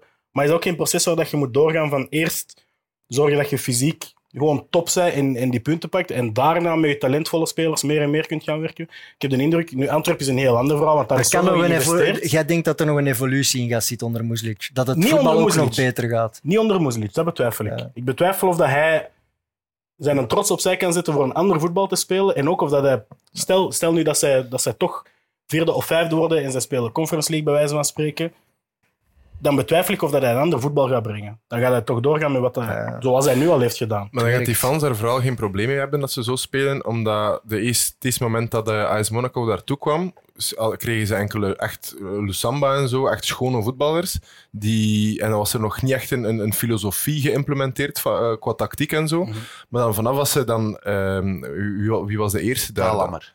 Talhammer en zo, die dan eh Thibaut Somers, een, een, enorme loper, begon te gebruiken. Dat is het eerste moment dat ze echt zo succes, en dat ze niet meer van, van onder staan, maar dat ze echt reeksen begonnen winnen en dat ze, dat ze het echt goed deden. En denk dat dat voetbal, eh, of die, die manier van voetballen, voor veel fans van Cercle Brugge gewoon gelijk staat aan succes, omdat ze alleen op die manier, eh, zeker met de spelersgroep die ze nu hebben, alleen op die manier eigenlijk eh, punten kunnen halen. Het is ook gemakkelijker om... Sorry, ik ga. Het is volgens mij gemakkelijker ook om een stap naar boven te zetten op een fysieke manier, op een, op een manier van intensiteit, hoge druk. Mhm. Hetgeen wat dat Union met bepaalde momenten doet, hetgeen wat dat ehm, onder ehm coach van Club Brugge, eh, wat dat zij bij Standaard bij, bij Mhm. momenten deden. Ja, dat zal Moeslic ook moeten doen. Ik denk dat dat gemakkelijker is dan te zeggen, we Ah pakken ja, dat is het. vier, vijf getalenteerde spelers en, en we spelen alles kapot. Dat gaat Nee. veel moeilijker Ja, die kosten sowieso bedacht. geld en kunnen mislukken, terwijl die on, in het systeem van Muslic, als je enorme fysieke cijfers en fysieke data hebt, dan eh kun je al veel goed maken, want inderdaad, zoals dat gezegd, het is wel naar voren stampen en lopen. Hè. Ja, nog iets zeggen? Ik weet het niet meer. Nee, Geen ik probleem. eh. Nog iemand iets over deze match? Anders ga ik door naar de eerste overwinning van Westerlo. Zoals ik zei, dus eh, de eerste overwinning van Westerlo op doelpunt van eh Daci. Die de 1-0 scoort. En ehm, mede door een, door een heel opmerkelijke varfase op het einde van, eh, van de match wordt het geen 1-1 en wordt de Rode Lantaarn doorgegeven van, Westerlo aan, van, Kortrijk, van Westerlo aan Kortrijk. Excuseer. Terug, ja. Dat zijn toch de twee ploegen die, zelfs Ja. als je naar deze match kijkt, die gaan het onderin moeten, moeten Ja. uitvechten waarschijnlijk. En dan Tenzij dat Westerlo heeft dan ingekocht om, eh, om ja, voor hen, die Fri- eh, Frigan of Frigan, ehm, Frigan, ja, waar het al eh, over gegaan is voor veel geld, maar die speelt dan nu niet. En dan die, is die, geblesseerd. Wel ja, maar die Daci speelt dan. Ik moest even kijken wie dat, dat exact was. Die scoort wel. Goed, Ah. voor, goed voor Westerlo. Maar ehm, ja, normaal gezien is er ja, Frigan, hebben ze Vazen, hebben ze Stassin. Eh, Oké, ja, ze spelen wel met twee, maar ik had nooit verwacht dat hij een minuutje ging krijgen. Zeker niet starten. Nee, maar die was vorig seizoen denk ik Ah. gehaald en dan een heel seizoen toch veel geblesseerd, geblesseerd ook, eh, geweest. Negen maanden eruit geweest. Ja. Ja.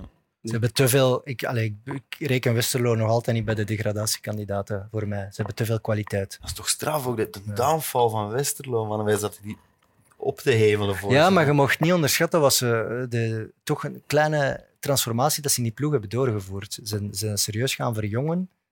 Eh, ze hebben toch wel veel veranderd. Eh, zowel Bos, de, de twee spitsen op middenveld, daar hebben ze dan wel ingegrepen met die Oekraïne nog te halen. Maar ze, zijn wel, ze hebben echt wel een transformatie proberen ondergaan, ook centraal achterin gewijzigd. Je moet ze tijd geven. Ik zie nog, ze hebben te veel, te veel aanvallende kwaliteiten om in de problemen te komen. Vanaf dat dat begint te draaien, ze hebben drie, vier spelers die in staat moeten zijn om tussen de 10 en de 15 goals te maken. Dan blijf je er altijd in. Maar wat moet er gebeuren op dat die beginnen te draaien? Want vorige keer zeiden we het ook, nu bijvoorbeeld, dit, deze overwinning, dat over de streep trekken, dat, dat kan een begin zijn. Oké. Is het Eh, dan op, slecht op? Genk, dat punt nog gaan pakken. 3-3. Dat zijn de dingen die ze nodig hebben. Ja. En ik denk dat ze nu... Allee, met, misschien zijn ze nu al vertrokken. Ze zijn, allee, dat is toch een veel sterkere ploeg dan Eupen of RWDM op dit moment. Vind ik intrinsiek. Hè. Ja, ja, ja, Ik zeg niet dat ze, kwaliteit op het veld, dat- zeker. Ja. ik, zeg, ik, denk, ik zeg niet dat ze er al zijn in het spel. Maar puur op papier kan dat niet blijven duren. Dat, allee, dat die, dat, zeker thuis gaan die toch echt wel een matje winnen en volgens mij nog veel goals maken. Als je kijkt naar de kern, zouden die, en ik ga weer al uw ploeg voor noemen, maar als je kijkt naar puur de kernen, zouden die toch met KV Mechelen in dezelfde reeks, allee, in dezelfde richting moeten. Allee, jij noemt daar net al vier spitsen op. Vier spitsen. Wie op dat niveau heeft vier echt goede spitsen? Niet Dat kan is al Mechelen. uit... Nee, voilà, dat is echt uitzonderlijk. Ja, maar dat is toch zo? Ja, dat is. De, Ja, dat is kwaliteit. je moet ook punt. wel met je twee spitsen... Is, ah, ja, nee, je moet er En- twee goeie hebben, minstens. Maar Dat is natuurlijk in deze eh, competitie met die, die, die 2 plus 1 zakkers, vier man in de downplayoffs. Er zijn al goede ploegen gedegradeerd de laatste jaren. Ja. Zultuarian was echt wel een best oké ploeg. OHL in een tijd was een best oké ploeg. Ons KV Mechelen met Matsrits en Croiset en zo, dat was een goede ploeg. Zijn alle drie gedegradeerd. Dus je kunt een dramatisch jaar hebben, je zit in de shit en dan kan het. En een goede ploeg promoveert ook niet altijd. Hebben we Ja. met Bever gezien vorig Dus- jaar. Dus, maar ik wil niet dat Westerlo dat is, want ja, dat, ze hebben gewoon te veel kwaliteit. Je ziet, je ziet ook al bij Westerlo dat er al, zeker bij de Roek, hè, is het dan paniek of niet, dat weet ik niet, maar ze spelen wel al anders. Gelijk zo op standaard gaan die Ja. alles gaan dicht met ze. Die hebben geen twee passen gegeven op de helft Nee. van standaard in die tweede helft. Hè. Mhm. dit, dit was ook weer een slechte match, hè. on-Westerlo. Maar het was Dat heel veel voor- stress, denk ik. Tuurlijk, maar dat bedoel ik van, dus het slaat er Ja. wel al in. eh. Gaan die de schrik dat is hebben in januari ook? Wat zeg je? Denk je dat die ook in januari met de schrik gaan beginnen nog gaan Je kopen? zit daar met hele rijke eigenaars. Dus ja, dat, dat kan wel. eh. Je kunt er, die, die wegen zijn ondergrondelijk. Hè. Je zit daar met buitenlandse, buitenlandse eigenaars, omdat je eigenlijk nog niet weet wat... wat je zit nog niet meegemaakt natuurlijk. Hè. Zo, het is allemaal al eh, vlot verlopen voorlopig. Ze hebben in ieder geval niet al dat geld erin gepompt om Nee. terug naar tweede klasse nee, te ja. gaan. Ze zijn daar een spelerscomplex aan het bouwen van 5 miljoen. Kapitaalsverhoging er weer bij gepompt van 15 miljoen.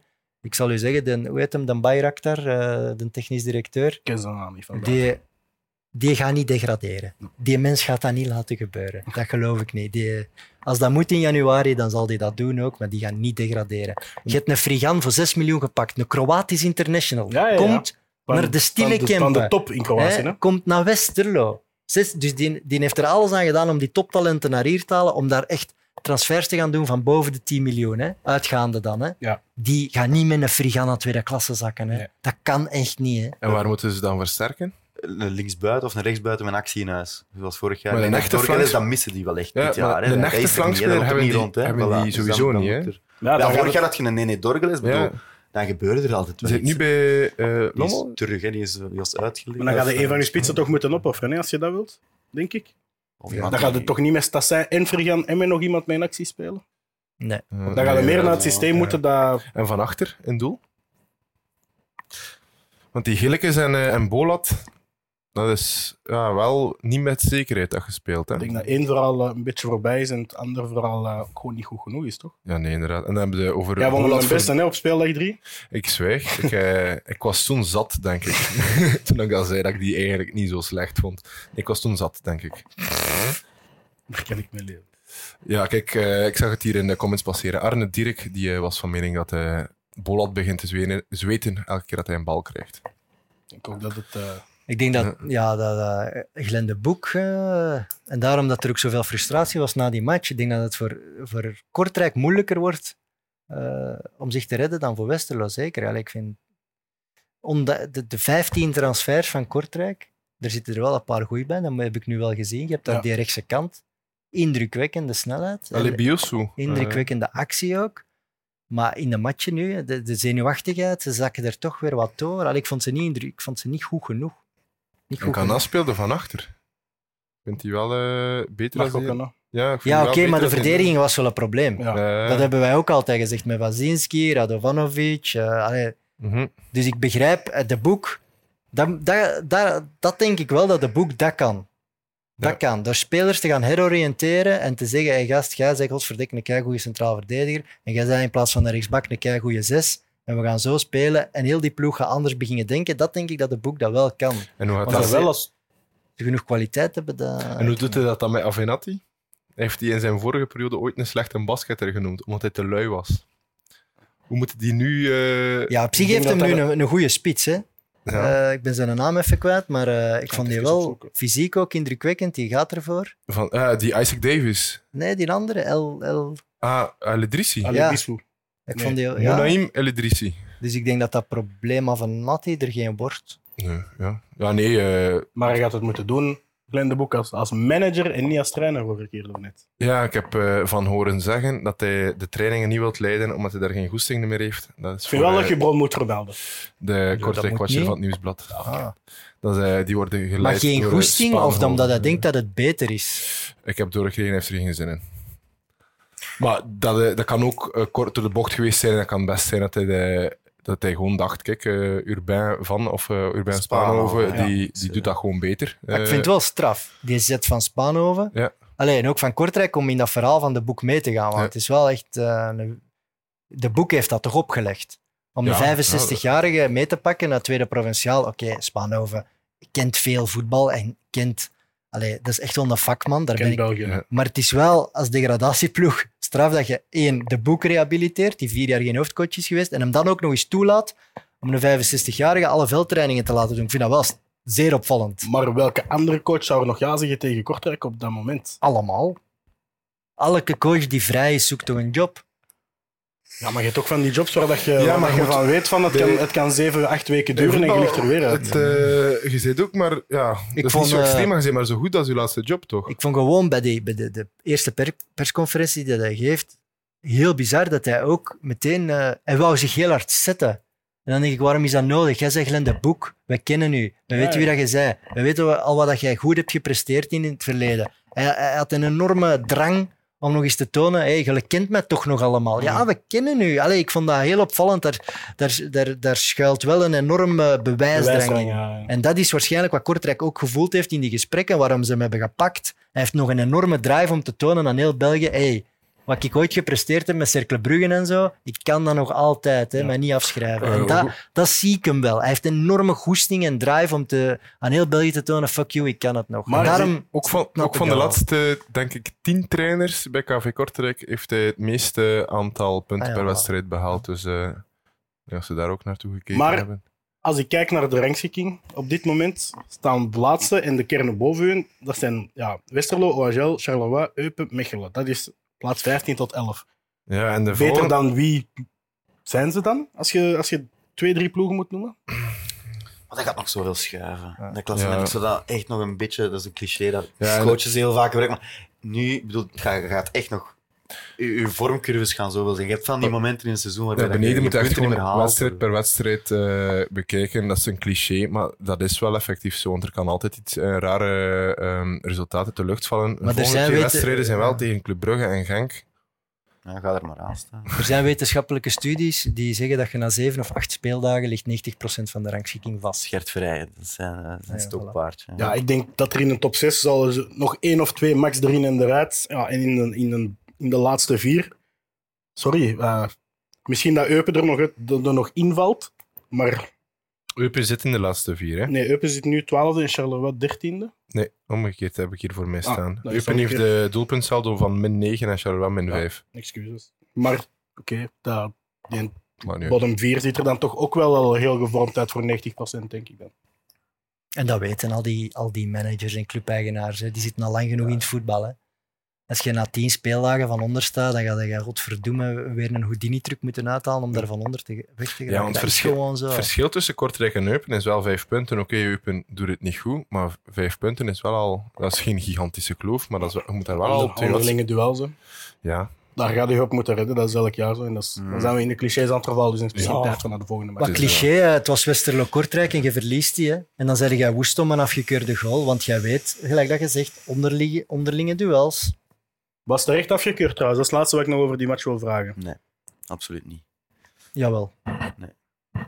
We zullen misschien de situaties Ah, schetsen. het is lastig om dat soort situaties is met- Oyo die zonder beeld inderdaad Ja. te gaan... eh, Het is eigenlijk Oyo die hem trapt. Het begint Eh, bij de corner, dus K3 ja. neemt de corner, neemt neemt ze korting. Ja. ja voilà. Oyo. Dus dan, gaan, dan beginnen ze te voetballen, komt er een nieuwe, een nieuwe fase. Dat was, was inderdaad Stassin, die eh, zich nogal makkelijk liet vallen, want er kwam een trap van. Eh, was het Het was Oyo? Oyo die trapt. Hij komt terug op een speler van ehm, Westerlo. Ja, en op dat moment staat K3 buiten spel. Zo Ja. Dat is dan op het moment dat hij hem trapt. Ja. Dus hij komt nog terug. Ja. Kadri wandelt nog terug. En Stassin krijgt een bal eigenlijk half op zijn knie.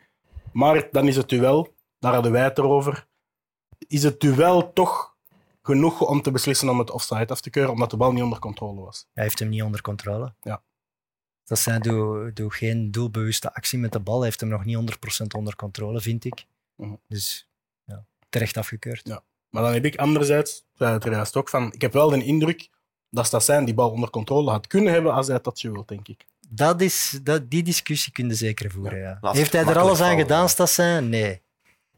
Maar had hij hem hij onder kan- controle? Nee. Hij kan, hij kan heel gemakkelijk, denk ik, eh Oyo een beetje van zich afduwen en een bal weg uit de 16 trappen. En dan is het sowieso geen tegengoal. En dat is, je, je beloont eigenlijk een Stassin die de fout zoekt. Ja, die wel laks in zijn eigen 16 die eigenlijk heel laks is en die eigenlijk denkt, oh, ik ga hier zijn beat liggen en hij fluit hem wel. En je beloont hem om, omdat K3 hem komt afpakken. Dat is, en dat is wrang. Ja. Maar hij heeft hem niet 100% onder controle. Dat is waar, daar ben ik het eh, wel mee eens. Moeilijk. Maar dus een fase die zeker eh, nog voor discussie zal zorgen in de komende... Ja, en het, het, gaat, het, gewoon, het gaat om veel geld. Het gaat om het voorbestaan van clubs. Zeker Ja. bij een Kortrijk. Die zoeken een overnemer. Stel je voor dat die dan zak... Allee, dus ik snap Ja. het. Hè. Stan had daarover een vraag. Eh, die vroeg zich af zitten, welke eh, clubs, we hebben natuurlijk de cijfers niet, maar welke clubs bij de degradatiekandidaten zijn het grootste risico om over kop te gaan? Over kop. Toch Kortrijk, want zij zoeken Ja, een ja, eigenaar. ja. Maar Westerlo, zoals je net al zei, zelfs in het, in het eh, allergrootste scenario, dat raakt met dat geld wel op. Die gaan niet... Op dit moment lijkt het dat die, dat die Turken daar niet zijn om rap te vertrekken. Nee. Maar dat weet je nooit natuurlijk. Bij Kortrijk die hebben wel een probleem. Hè. Zolang niet de juiste overnemer opstaat, blijft dat in de gevarenzone. Hè. Dat is zoals bij Oostende ook. Dat is, Maar wat dat je daarnet zei, dat je Westerlo wel nog eh, uit de problemen ziet komen. Ik heb dat ook wel, want die Sidorchuk is echt heel laat aangekomen. Die Bayram ook, die centrale verdediger. En nu met die eh, interlandperiode die er nu aankomt, het is comfortabel voor hen, omdat ze net drie punten hebben gepakt. Eh, ze kunnen die eindelijk een keer volledig eh, weken aan een stuk daarmee samen trainen. Ik weet niet of het die Sidorchuk opgeroepen is voor Oekraïne, nu nog altijd. Ehm, maar ik, die Bayram alleszins niet voor Turkije, dus ik denk dat dat wel al veel doet, want Het enige dat die Bayram nu doet, tactisch weinig eigenlijk, want die worstelt met elke spits dat hij tegenkomt. Mhm. Dat is echt, die plakt daar tegen gelijk een slak. Wel een nationale sport in Turkije. Worstelen, Ja. is dat? Ja. Net dat Grieks-Romeins Ik was. denk dat wel. Turks worstelen. Turks worstelen. Wist ik dat nog. Maar die pakken toch alle zo gerechten ook van elkaar over. Zo Griekenland, Turkije en, en ehm, Bulgarije, die hebben zo allemaal hetzelfde, geven daar een andere naam en zeggen dat is van ons, dat is van ons. Ik eh, ben niet bekend met de Griekse keuken, wel met de Turks, want het gewoon op keel. Ik met de Bulgaarse. Ja. Familie. Het is tijd om naar de volgende match te gaan. Zoals gewoonlijk ja, laat ik u altijd beginnen als het Ah, eh, over uw eigen ploeg gaat. Want eh, net als KV Mechelen B heb je Ja. gezien naar KV Mechelen A. Maar voor mij draaide het maar om één ding en dat is Paul van Imst. En dat meen ik echt. Ja. Allee, ik ben een romanticus en een nostalgicus. En ik, vond dat wel, ja, ik vind dat wel waanzin. mooiste beelden dat we in heel lang hebben gezien in België. wat toch? Anderlecht daar gedaan heeft. Alles van de aanloop met dat shirt. Oh, dat shirt, ik ben verliefd op dat ja, shirt. prachtig. Waarom spelen we niet altijd zo en alle, alle ploegen gewoon terug naar dat Ja. shirt van de jaren 70? Dat is het, het mooiste shirt dat ik in België in de laatste tien jaar heb gezien, denk ik.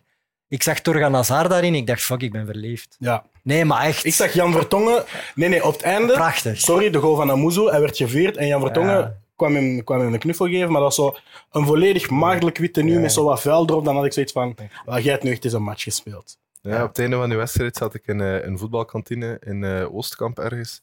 En eh, er zaten enkele vrouwen aan het toog. En die, zei, die zagen ook ineens datzelfde beeld met Jan Vertongen. En die zeiden, maar vent, dat is toch een knappe vent. joh." Ah, wel, ja. Maar Jan Vertongen is al een knappe vent, maar met dat gelijk, nog eens Maar- extra. Het moment van die wedstrijd is toch ook gewoon Vertongen dat daar die een tackle nog gooit, daar aan de zijlijn. En heel dat publiek erachter. En dan Vertongen ook stoïcijns gewoon teruglopen naar zijn, eigen- naar zijn positie. Dat gejoel, dat gejuich. Fantastisch met die kapiteins van Tronwij. Echt een geweldig beeld, inderdaad. Ja, goed gedaan door, de, door het marketing, marketingteam van Anderlecht. Dat gaat nog over gedos, ge- gedosseerd worden op de hogeschool, denk ik, in de richting Ja, marketing. Dat is fantastisch, inderdaad. Die daar. trui. Dus het zag er goed uit, ook met, die, met die lichtshow en die geëmotioneerde Van Imst, die normaal eh, een beetje meer op de achtergrond toch Altijd rustig, Ja. toch? Dat Dat is toch- van Is dat niet de, vrou- eh, de vriendin van Sam die dat, eh, die dat geregeld heeft die- mee. eh, Ja. ja. Die doet dat mee, ja. Die, Goed eh, gedaan, madame. Ze, hebben heel gedaan. veel, ze hebben heel veel kritiek gekregen na het eh, thuisshirt, maar Is dat hier nu zo... eh, wij van WC Eend vinden dat WC Eend het beste is? Oh nee, Doe maar, ja, nee, je hebt ken- doorprikt dat ballonnetje nu, Hermes. nee, ik ken die Los niet. van Sophie vind ik dat echt... ja, ja, ja. Nee, maar ik, ik ken die, ma- ik ken die Sophie niet. Dus eh, ik, ik, Hij durft niks te zeggen, want Sam is aan het kijken. ik, ik, eh, ik heb Die er ook paniek in die niks- ogen. Ik ken die, ik ken die niet. mee- eh. Ik heb er niks mee te winnen eh, om te zeggen. Maar Oh, ja, dat kijk, vind ik eh, vind toch dat ze het goed gedaan. Ja, nee, de KV stond alleen nul achter. Hè. Als je zo het veld op moet, na, na dat. Na zo'n lichtshow. Ja, en eh, ja, ik ga niet over voetbal praten, maar de bromance tussen Eddie Merckx en Paul van Imst, dat wil ik. Ja, dat was... Dat wil ik ook echt. Dat is een vriendschap. de, de, twee iconische sportmannen die zo al 50 jaar een waanzinnige vriendschap Ja. hebben, dat is toch crazy? Geef mij een ander voorbeeld ergens ter wereld, in welk land dan ook, waar dat, dat zo is. Ik vind dat geniaal, echt waar. Zo Dave en Patje.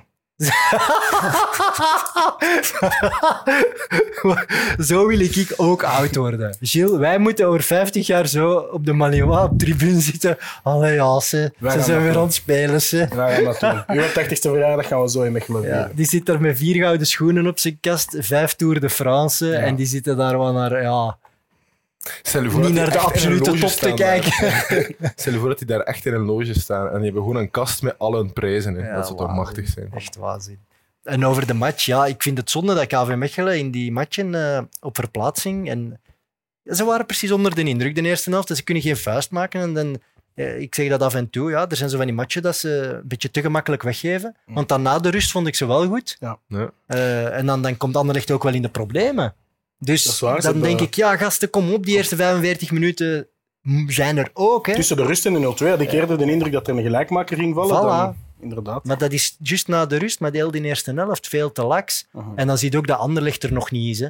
Want ze kunnen Nee. dus niet 90 minuten een ploeg als Mechelen op zo'n gale avond wegdrukken. Dat kunnen ze nog niet. Ze zijn er echt nog niet.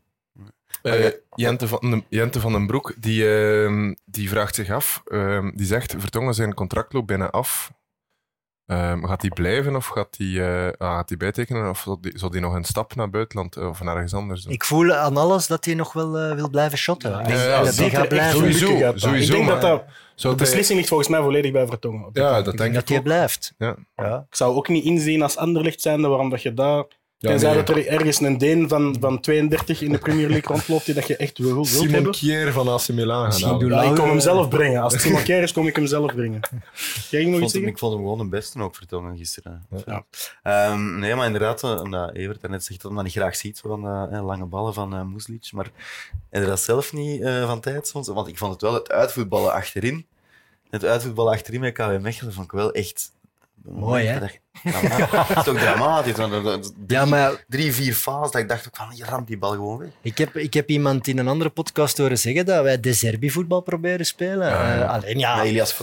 Ja, wij doen dat met een andere, totaal andere kwaliteit. En dat is, dat is onder het Mechelen-publiek een frustratie van waarom steken we daar niet meer dynamiek in en wisselen we niet meer af. Hmm. Maar Steven de Voer is er echt van overtuigd dat dat met onze ploeg de enige manier is om echt aan kansen te komen. En ja... Hij, hij heeft er ook opofferingen voor gemaakt, want hij speelt nu met Kobout van Lerbergen, terwijl dat we daar met Bates eigenlijk een heel goede Ja. reeks hadden neergezet. Dus hij, maakt echt wel zware beslissingen en hij durft wel echt beslissingen te maken in een ploeg die punten aan het rapen was om toch nog te gaan wisselen. Ja, maar Beets was ook niet foutloos in, in die goede ploeg. Hè? voor zijn spelsysteem. Ik vind dat wel ballen tonen en hij doet dat, maar dan krijgen we van die non-matchen, als we dan Anderlecht tegen een goede ploeg komen, dan, dan raken we er niet van onder, raken we er niet uit en dan spelen we een, allee, voor 60 minuten van de 90 of spelen we een non-match en dat is gewoon doodzonde, want we hebben wel het talent om meer te brengen. Ja. En dan moeten we misschien Dat af en toe wel Cercle willen zijn. Maar langs de andere kant moet ik wel zeggen, maar heb je op middenveld dat voetballend willen brengen, dat is toch ook een, een mooie ambitie om te hebben. Als je het dan hebt over... Ik vind dat heel raar. Ik, ik, ik snap het, ik snap de bedoeling, Je- maar nu speelt Mrapti onderschoofs. Ja, Terwijl een Mrapti vooraan is op zich altijd een speler die balvast is vooraan en nog gevaar kan creëren ook. En dat mist je nu wel soms. Maar ja, bon. Maar, Konaté die werd ook eh, geen minuut vroeg, te vroeg gewisseld hè, met- bij de rust. Die was is nog altijd niet topfit. Zoveel balverlies. Ik vond dat Ja. vorig jaar bij Sint-Truiden van het beter uitgepleit. Die is nog altijd niet topfit. Maar dat er was... nog niet van... Zoveel balverlies. Ja, ik moet wel Drie, zeggen, keer. het sterkste was Anderlecht wel op Theo Leoni. En dus dat was wel op dat middenveld. Ja. Die Dus daar vond ik ze wel goed. Dus daar hebben ze ook het verschil gemaakt. Dus Theo- dat zat in. Konaté zijn zone. Daar hadden ze het wel moeilijk. Dus die momenteel niet misschien een van de betere middenvelders. in- Ja, in- ja, in- ja, dat is een ontdekking. Ik snap niet waar dat, Dat hij drie, vier jaar gezeten heeft. Dat truitje van Anderlecht met Leoni van achterop. Ik ga dat, ik ga dat straks bestellen. hij heeft zo'n naam van een, een western filmregisseur. Theo Leon. Theo Leoni. De Ah, goede, maar de bad en ugly. De eerste keer dat ik Sergio mijn- Leone. Ja. De eerste, Ja, wat, Ja. voilà. de eerste keer dat ik openbaar mijn liefde verklaarde eh, aan Theo Leoni, zat Michael van Varenberg hier. En hij zei dan dat Thea Leoni ook, ook een of andere eh, actrice was. Ja. ergens. eh. Michael van Varenberg weet je wel. inderdaad. ja, ja, Maar. Theo Leoni, weet ik vind dat een... eh, Ik vind dat, denken jullie dat hij dat hoger op het veld ook kan brengen? Ik vind echt zo een, een, een modern type, Verratti. Als ik dat met iemand zou moeten vergelijken, dus dat, die, dat is een bijterken ook. hè, Leoni, die Ja, ja, knalt ja. ervoor, die, die doet die recuperatie en dan draait hij snel weg en geeft hij nog een bal. Maar ik denk zo'n ander ligt dat bijvoorbeeld heel hoog gaat spelen, kunnen we dat wel nog zien doen op de korte ruimte. Want Ja, daar gaat hij toch nog vaak mis bij Leoni. Ik denk ook niet dat hij...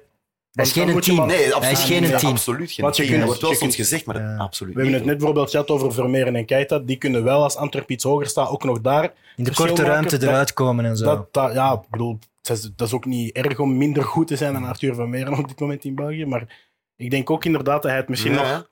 Ja, zonder dat hij een 6 is. Hè, want als je, als je, als je Delaney met momenten ernaast gaat, dan heb je wel meer echt een 6 naast u. Maar hij is wel ja, goed in, dat, in, in de, de tweede spelverdeler te zijn, Ja. toch? Ja, en hij moet een bal zo rap mogelijk krijgen bij die gast die, die wel die één op één kan. Tuurlijk, Ja. tuurlijk. En zolang de dat hij dat perfect doet en die energie kan blijven brengen, vind ik hem wel, heeft hij wel een enorme nut. En het is heel grappig, na al die transfers, dat iedereen van het, van het Anderlecht-publiek nu het wildst wordt om Leoni, die er al vier jaar zat. Dat is crazy. Dat is Trust echt, the process, dat is dan. Gek, is dat. Maar het is, het, is, het is ook verstaanbaar. Bozeksa reageert prachtig hoe Leoni niet gewisseld wou worden. En nadat hij er dan toch af moest, ging dansen met de fans terwijl ze nog aan het spelen waren. Ja, dat is een man van het park. Hè. Dat, is een man van het park. Ja, dus, die, is, die is geboren en getogen in de Astridpark. En allee, die zou nog in de C-ploeg blijven spelen tot hem op pensioen gaat, gewoon om in paar te spelen. En dat, is, Ik- dat klinkt heel raar in moderne voetbal, maar ik geloof dat als hij dat zegt. Hij zegt dat in alle interviews. Ja, zoals Olivier de. Het was Anderlecht of niks. En ik geloof dat wel echt. Anders kom je niet op je 23 in die situatie Nee, terecht. Dan ben je al, zoals Ja. heel veel anderen, vertrokken. Ja. Eh, ik herinner mij een Aitalat, ik herinner mij Geef- Bilal El. Geef mij een wereld met meer Leonis. Geef, en dat was dan schoon op de, op de match van Van Imst. Ja. Ook zo, zo in, een, in een tijd bleef jij 10, 15 jaar daar. Dat zou zalig zijn. Ja. Ja, ehm, Mechelen zou dan ook redelijk wat talent hebben. Hè? Veel goede Mechelse voetballers. Hij scoorde een wereldgoal eh, Een prachtig doelpunt van Mechelse makelij. Godverdikke. makelij. Siske. Met Mats Rits en uh, Amuzu stonden de twee beste Mechelaars bij de Anderlecht. Hij- eh, je moet het wel zeggen over Amuzo, hij scoort wel de moeilijkste goalen altijd. Hè? Ja. Hey, gast, joh, Want de makkelijkste, de makkelijkste dan gaat het licht een beetje uit, maar Heerlijk, toch? hij zit ondertussen al wel vier, doelpunten, denk ik, in de Jupiler. Pro League. Heerlijk. Hij heeft er kopballen gescoord, hij heeft er eh, nu eentje van, van bijna aan de middenlijn gescoord. Alhoewel dat ik ook niet het idee had dat de keeper zo ver uit zijn doel moest staan. Ik weet niet, ik heb de, de fase niet vroeg genoeg breed kunnen zien. Ik weet niet waarom dat Kozemans daar al stond, maar dan nog is het van Amuzu Ja. geweldig gedaan. Is- Hij ziet het, hij voert het ook uit. Dat, is, dat gebeurt echt zeer zelden, zeker in België. Dus dat was echt wel een heel chique goal. Alle credits aan Amuzu. En vooral tip, ik ben fan van hem. Ik, Ik ben ook. fan van zijn spel. En ik snap dat dat niet Europese subtop en zo is. Dat hoeft ook niet. Ik ben fan van die gast. Je weet gewoon dat er kan iets gebeuren. Je gaat toch op het puntje van je stoel zitten bij die gast. En het is jammer, want ze- hij is heel gefrustreerd erom moeten worden. Ja. Hè? Als je ziet hoe dat het, eh, de transfersaga van zowel vorig seizoen als deze zomer een beetje heel hard in ondank zijn afgenomen. Zeker op momenten dat het niet lukte, toen hij en, eh en dingetje, eh, Benito Raman nog op de flanken stonden. Werd, ay, er werd al gefloten bij bepaalde momenten. Maar wanneer hij scoort, zie je toch echt ja, die ontlading van echt een gast die daar gewoon... Het was echt ontlading. dat is Ja, echt ja, het woord. Zoveel, die, dat gezicht heb ik nog niet vaak gezien bij hem. Ze moest echt wel wat uit hè, na Ja, die ja. goal. Maar vorige keer hoe was het doen? hè? Hoe gaat het nu ook doen? Want je hebt dan, hè, dat is Hazard, hè. het is Hazard van Mhm. Moezo. Hè. Dat, is, dat is de keuze die je maakt. Hè. Ja, ik, Of die je zou wel- moeten maken. Ja, voor? Amuzu is dat nu zeer eh, ondankbaar. Maar denk als je Amuzu van de bank kunt brengen en je zegt tegen hem: Kijk, hier, je hebt 20 minuten, eh knijpt er alles uit. Die heeft enorm veel energie, enorm veel snelheid. Ik denk dat je dan als, als coach wel comfortabel zit, ook al is dat wel rot voor, de, voor Siske zelf. als je als back 60 minuten achter Torgan Hazard hebt moeten lopen en dan Amuzu erin ziet komen, dan Ja. Krijg je toch ook Dan- het koud zweet op je Nee, dan, eh, als er nog een wissel open is, over is, dan krijg je van spontaan zo kramp. Van oei, ik moet toch gewisseld worden, die Ah, ander mag ja. dan hier komen doen. Nee, inderdaad. Kunnen we over naar de laatste wedstrijd of heeft er nog iemand iets te zeggen over uh, Blijkbaar was het Koeken die in de goal stond en niet Koosmans. Zegt eh Ah ja, tuurlijk. Ja, Kozemans uh, Ja. is dat bij Anderlecht. Oh ja, ja. Het is al laat aan het worden. Kijk, gelukkig hebben, we, zat, gelukkig hebben we YouTube. Inderdaad. Daarvoor zijn de comments er altijd welkom om iets te reageren. Het is een Inderdaad. live-opname. Zeker ook over de laatste wedstrijd, over Charleroi RWDM, waar dat, eh, het venijn in de staart zat, zoals we Ja. dan ook zo mooi zeggen. Hè. Ik heb eh, de hele tijd gedacht, wat ben ik aan het doen met mijn leven? Ik wil eigenlijk op café zitten. Ik zat daar toch achter mijn bureau naar, naar mijn eh, pc'tje te kijken, naar die wedstrijd. Maar na, na een uur, Wat, kijkt jij voetbal aan uw bureau? ja, omdat mijn moeder anders naast mij zit en die begint dan tegen mij te praten. En dat vind ik niet zo aangenaam. dus waar, jij zit aan Ah, uw die bureau. en je zit zo in mijn oor. Een getekend shirtje van Company en dan wil ze zelfs niet horen babbelen op vrijdagavond. En waarom kan je dan niet in bed liggen of zo met uw laptop of zo? Ehm, aan uw bureau? Ja, Dat klinkt zo, mij. Ja. meestal pak Je ik neemt het serieus, hè, Bart? Ja, ja, maar dan zit ik daar met mijn, met, mijn, met mijn schriftje voor mij en dan smeer ik wat boterhammen of dan ben ik ondertussen aan het eten. Ja, Op vrijdagavond is hij boterham aan smeren aan zijn bureau. Maar dus, na een uur waren Ja, jij na een uur, een kijken. eh, gebeurt het. Eh, in het begin van de wedstrijd waren ze al bezig over de veel blessures bij RWDM. Maar ineens schiet eh Laurens Visser letterlijk in een kramp. Ehm, die gaat ervan. Ik hoor je wel zuchten. Applauswissel. Ik vond het, ik vond het gênant om te zien. Ik vond, ik vond het echt... Dus het begint inderdaad... Hè, Visser krijgt kramp en dan begint hem al zo tegen te doen van... Het is geknakt. Maar zo, je kunt dat zeggen van... Het gaat niet meer, ik moet eraf. Nee, eigenlijk tegen elke speler... Het is geknakt. Het is echt erin geschoten. Het is zo gedaan. En dan gaat hem iedere speler een hand gaan geven. Met zo, en, en, en nog, nog, net niet, nog net niet dit, de Visser. Hè. Het was bijna Paul van Imst. Het was echt effectief, omdat ik naar de afscheidsmatch van Maradona zat te kijken. Maar hij heeft toch geklapt? Het, Er eh, werd geklapt, zo was schuchter van... Allee, voor- de supporter wordt ook aan door, dus die dacht ook van... Allee, we zullen ja, maar... volgens mij heeft, hij daar ook zo gestaan, hè, toen dat hij ervan ging. Ja, wel, kijk, ik zou er niet van verschieten, maar ik, ik, daar, daar ben ik dus absoluut geen fan van, eh, Nee. van dat soort tafereel. Ja, kijk, het en dat was- krullend tafereel. Oh ja, het was dan die Skeuve die erop kwam. Ehm, de, de vierde ref. En ehm, Aster stak daar een verhaal af. Ehm, Aster, die trouwens die Skeuve een heel jonge gast noemde, maar die is gewoon even oud als Aster zelf. Al bij 29. Aster is ook niet oud. Hè.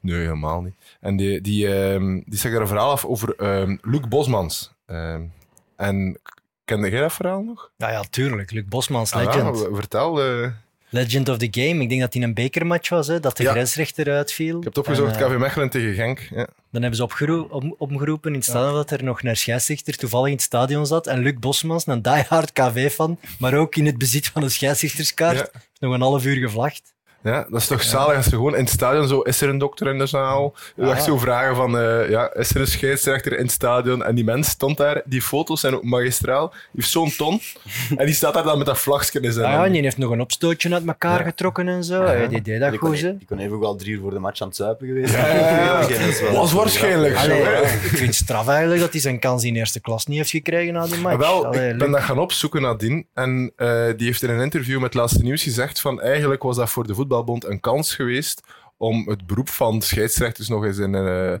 ja, nog een keer positief op te voeren. De eh. vraag is, was die schuiven beter als de Luc of niet? Eh, Helemaal niet, want die heeft daar gewoon een... Ja, Makdar Gueye was eigenlijk een verdienstelijke wedstrijd aan het spelen, gescoord. Hij was dan al slecht gezind, omdat Charleroi gelijk komt.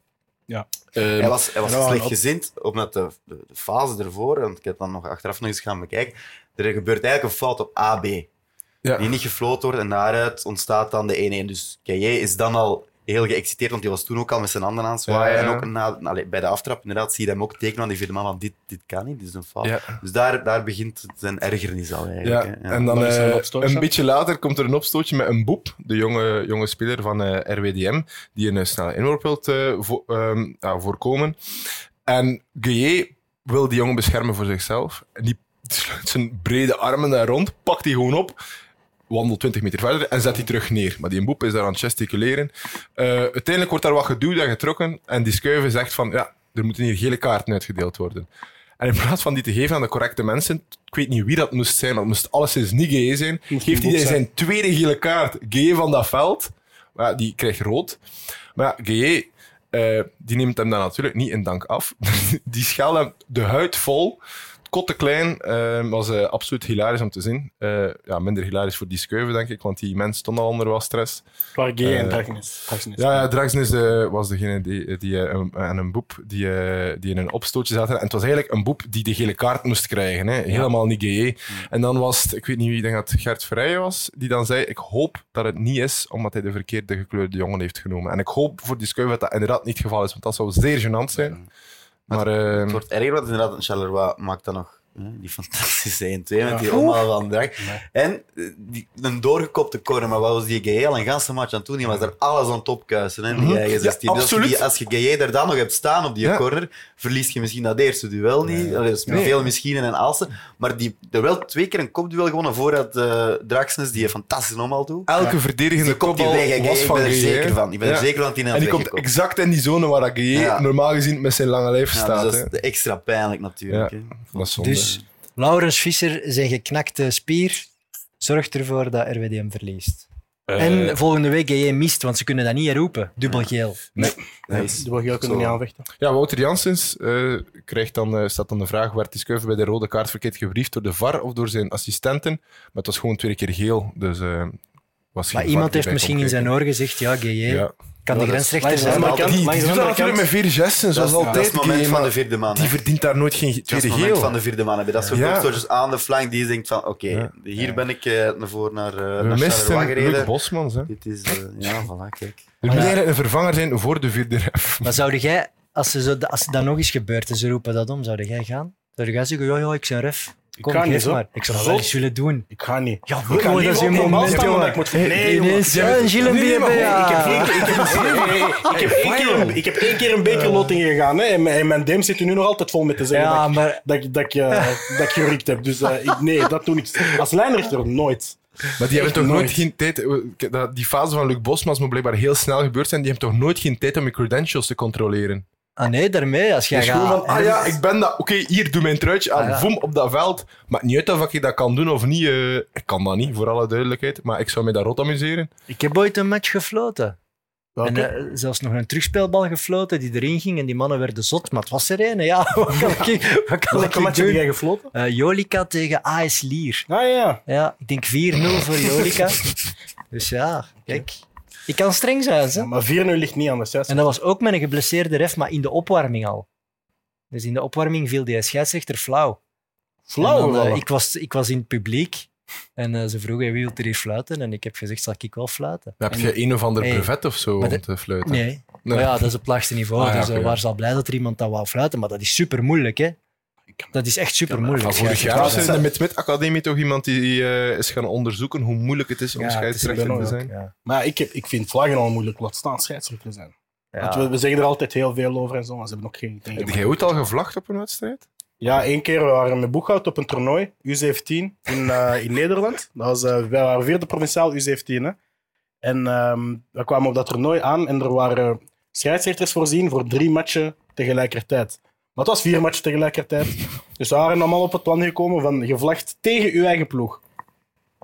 Dus met, met als gevolg dat er een hele groepsfase is geweest waar dat er geen enkele keer offside is geweest. Want ja, ga maar zitten. En nee, ik zeg nee, nee, nee, het is, geen, eh, het is niet offside. Dus ik heb, een, ik heb 45 minuten gevlacht in mijn leven op een U17-toernooi in Nederland. Exotisch. Voilà. Maar eh, daarmee zijn we door het, eh, de tiende speeldag van de Jupiler Pro League. Iemand nog iets toe te voegen? Of? Ja, één ding.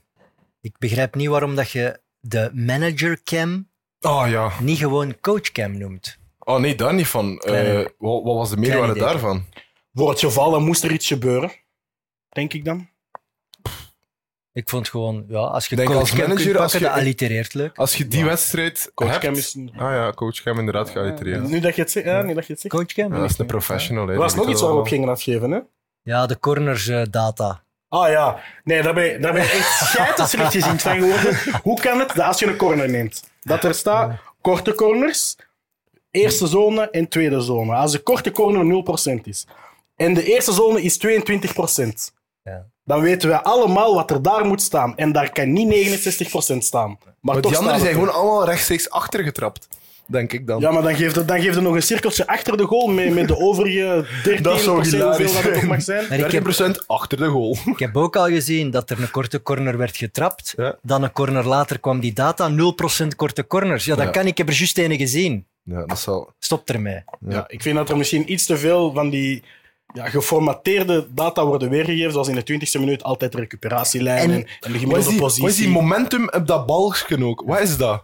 En wie bepaalt Ja, dat? controlezones. Ja. Ja. Ja. ja. En iedereen heeft ondertussen toch al tickets voor de NFL in Frankfurt. Maar echt iedereen. Ja. Toch? En niemand zegt nog dazen. Voilà. Oké. Heren, mag ik daarop afsluiten? Ah nee, nog iets. Doe maar. Eh, ze moeten bij Eleven The Zone iemand nieuw aannemen voor eh, de reclame. Het is Oei. elke pauze vier keer Emma matrassen. Of, eh, ik weet niet wat dat dan nog is. eh, wat is Mr. Marvis. Mr. Marvis. Ja. Vier keer. Ja, maar je Dus weet het nu wel. Hè? Is- uit Portugal. Twee keer in één, in één korte blok, twee keer meteen na de eerste helft. Dan komen ze nog even terug om de herhaling te laten zien van de kansen. En dan nog een keer exact diezelfde blok. Ja, maar die matrassen hebben er wel tot toe bijgedragen dat wij nu naar voetbal kunnen Maar kijken. dat Dus Emma ja. een matras is, kan allemaal goed zijn, maar daarvoor moet het toch niet gans geweten zijn in gans, eh, gans Vlaanderen. Oké, op die noot ga ik wel echt afsluiten. Hermes, enorm bedankt voor erbij te zijn. Evert, enorm bedankt voor erbij te zijn. En Mathieu Bombay, enorm bedankt om erbij te zijn. Ik hoop dat je nog eens eh, een keer terugkomt. Zeker, merci voor de is plezant. eh. Ja, altijd tof om eh, voetbalkenners erbij aan tafel te hebben. En aan de kijkers, we zijn terug. Volgende week zijn we er niet, want dan is het Interland Weekend. Dus geen haatberichten sturen, alstublieft. Maar we zien jullie over twee weken terug met de negende episode van Bart. Tot dan. Ciao.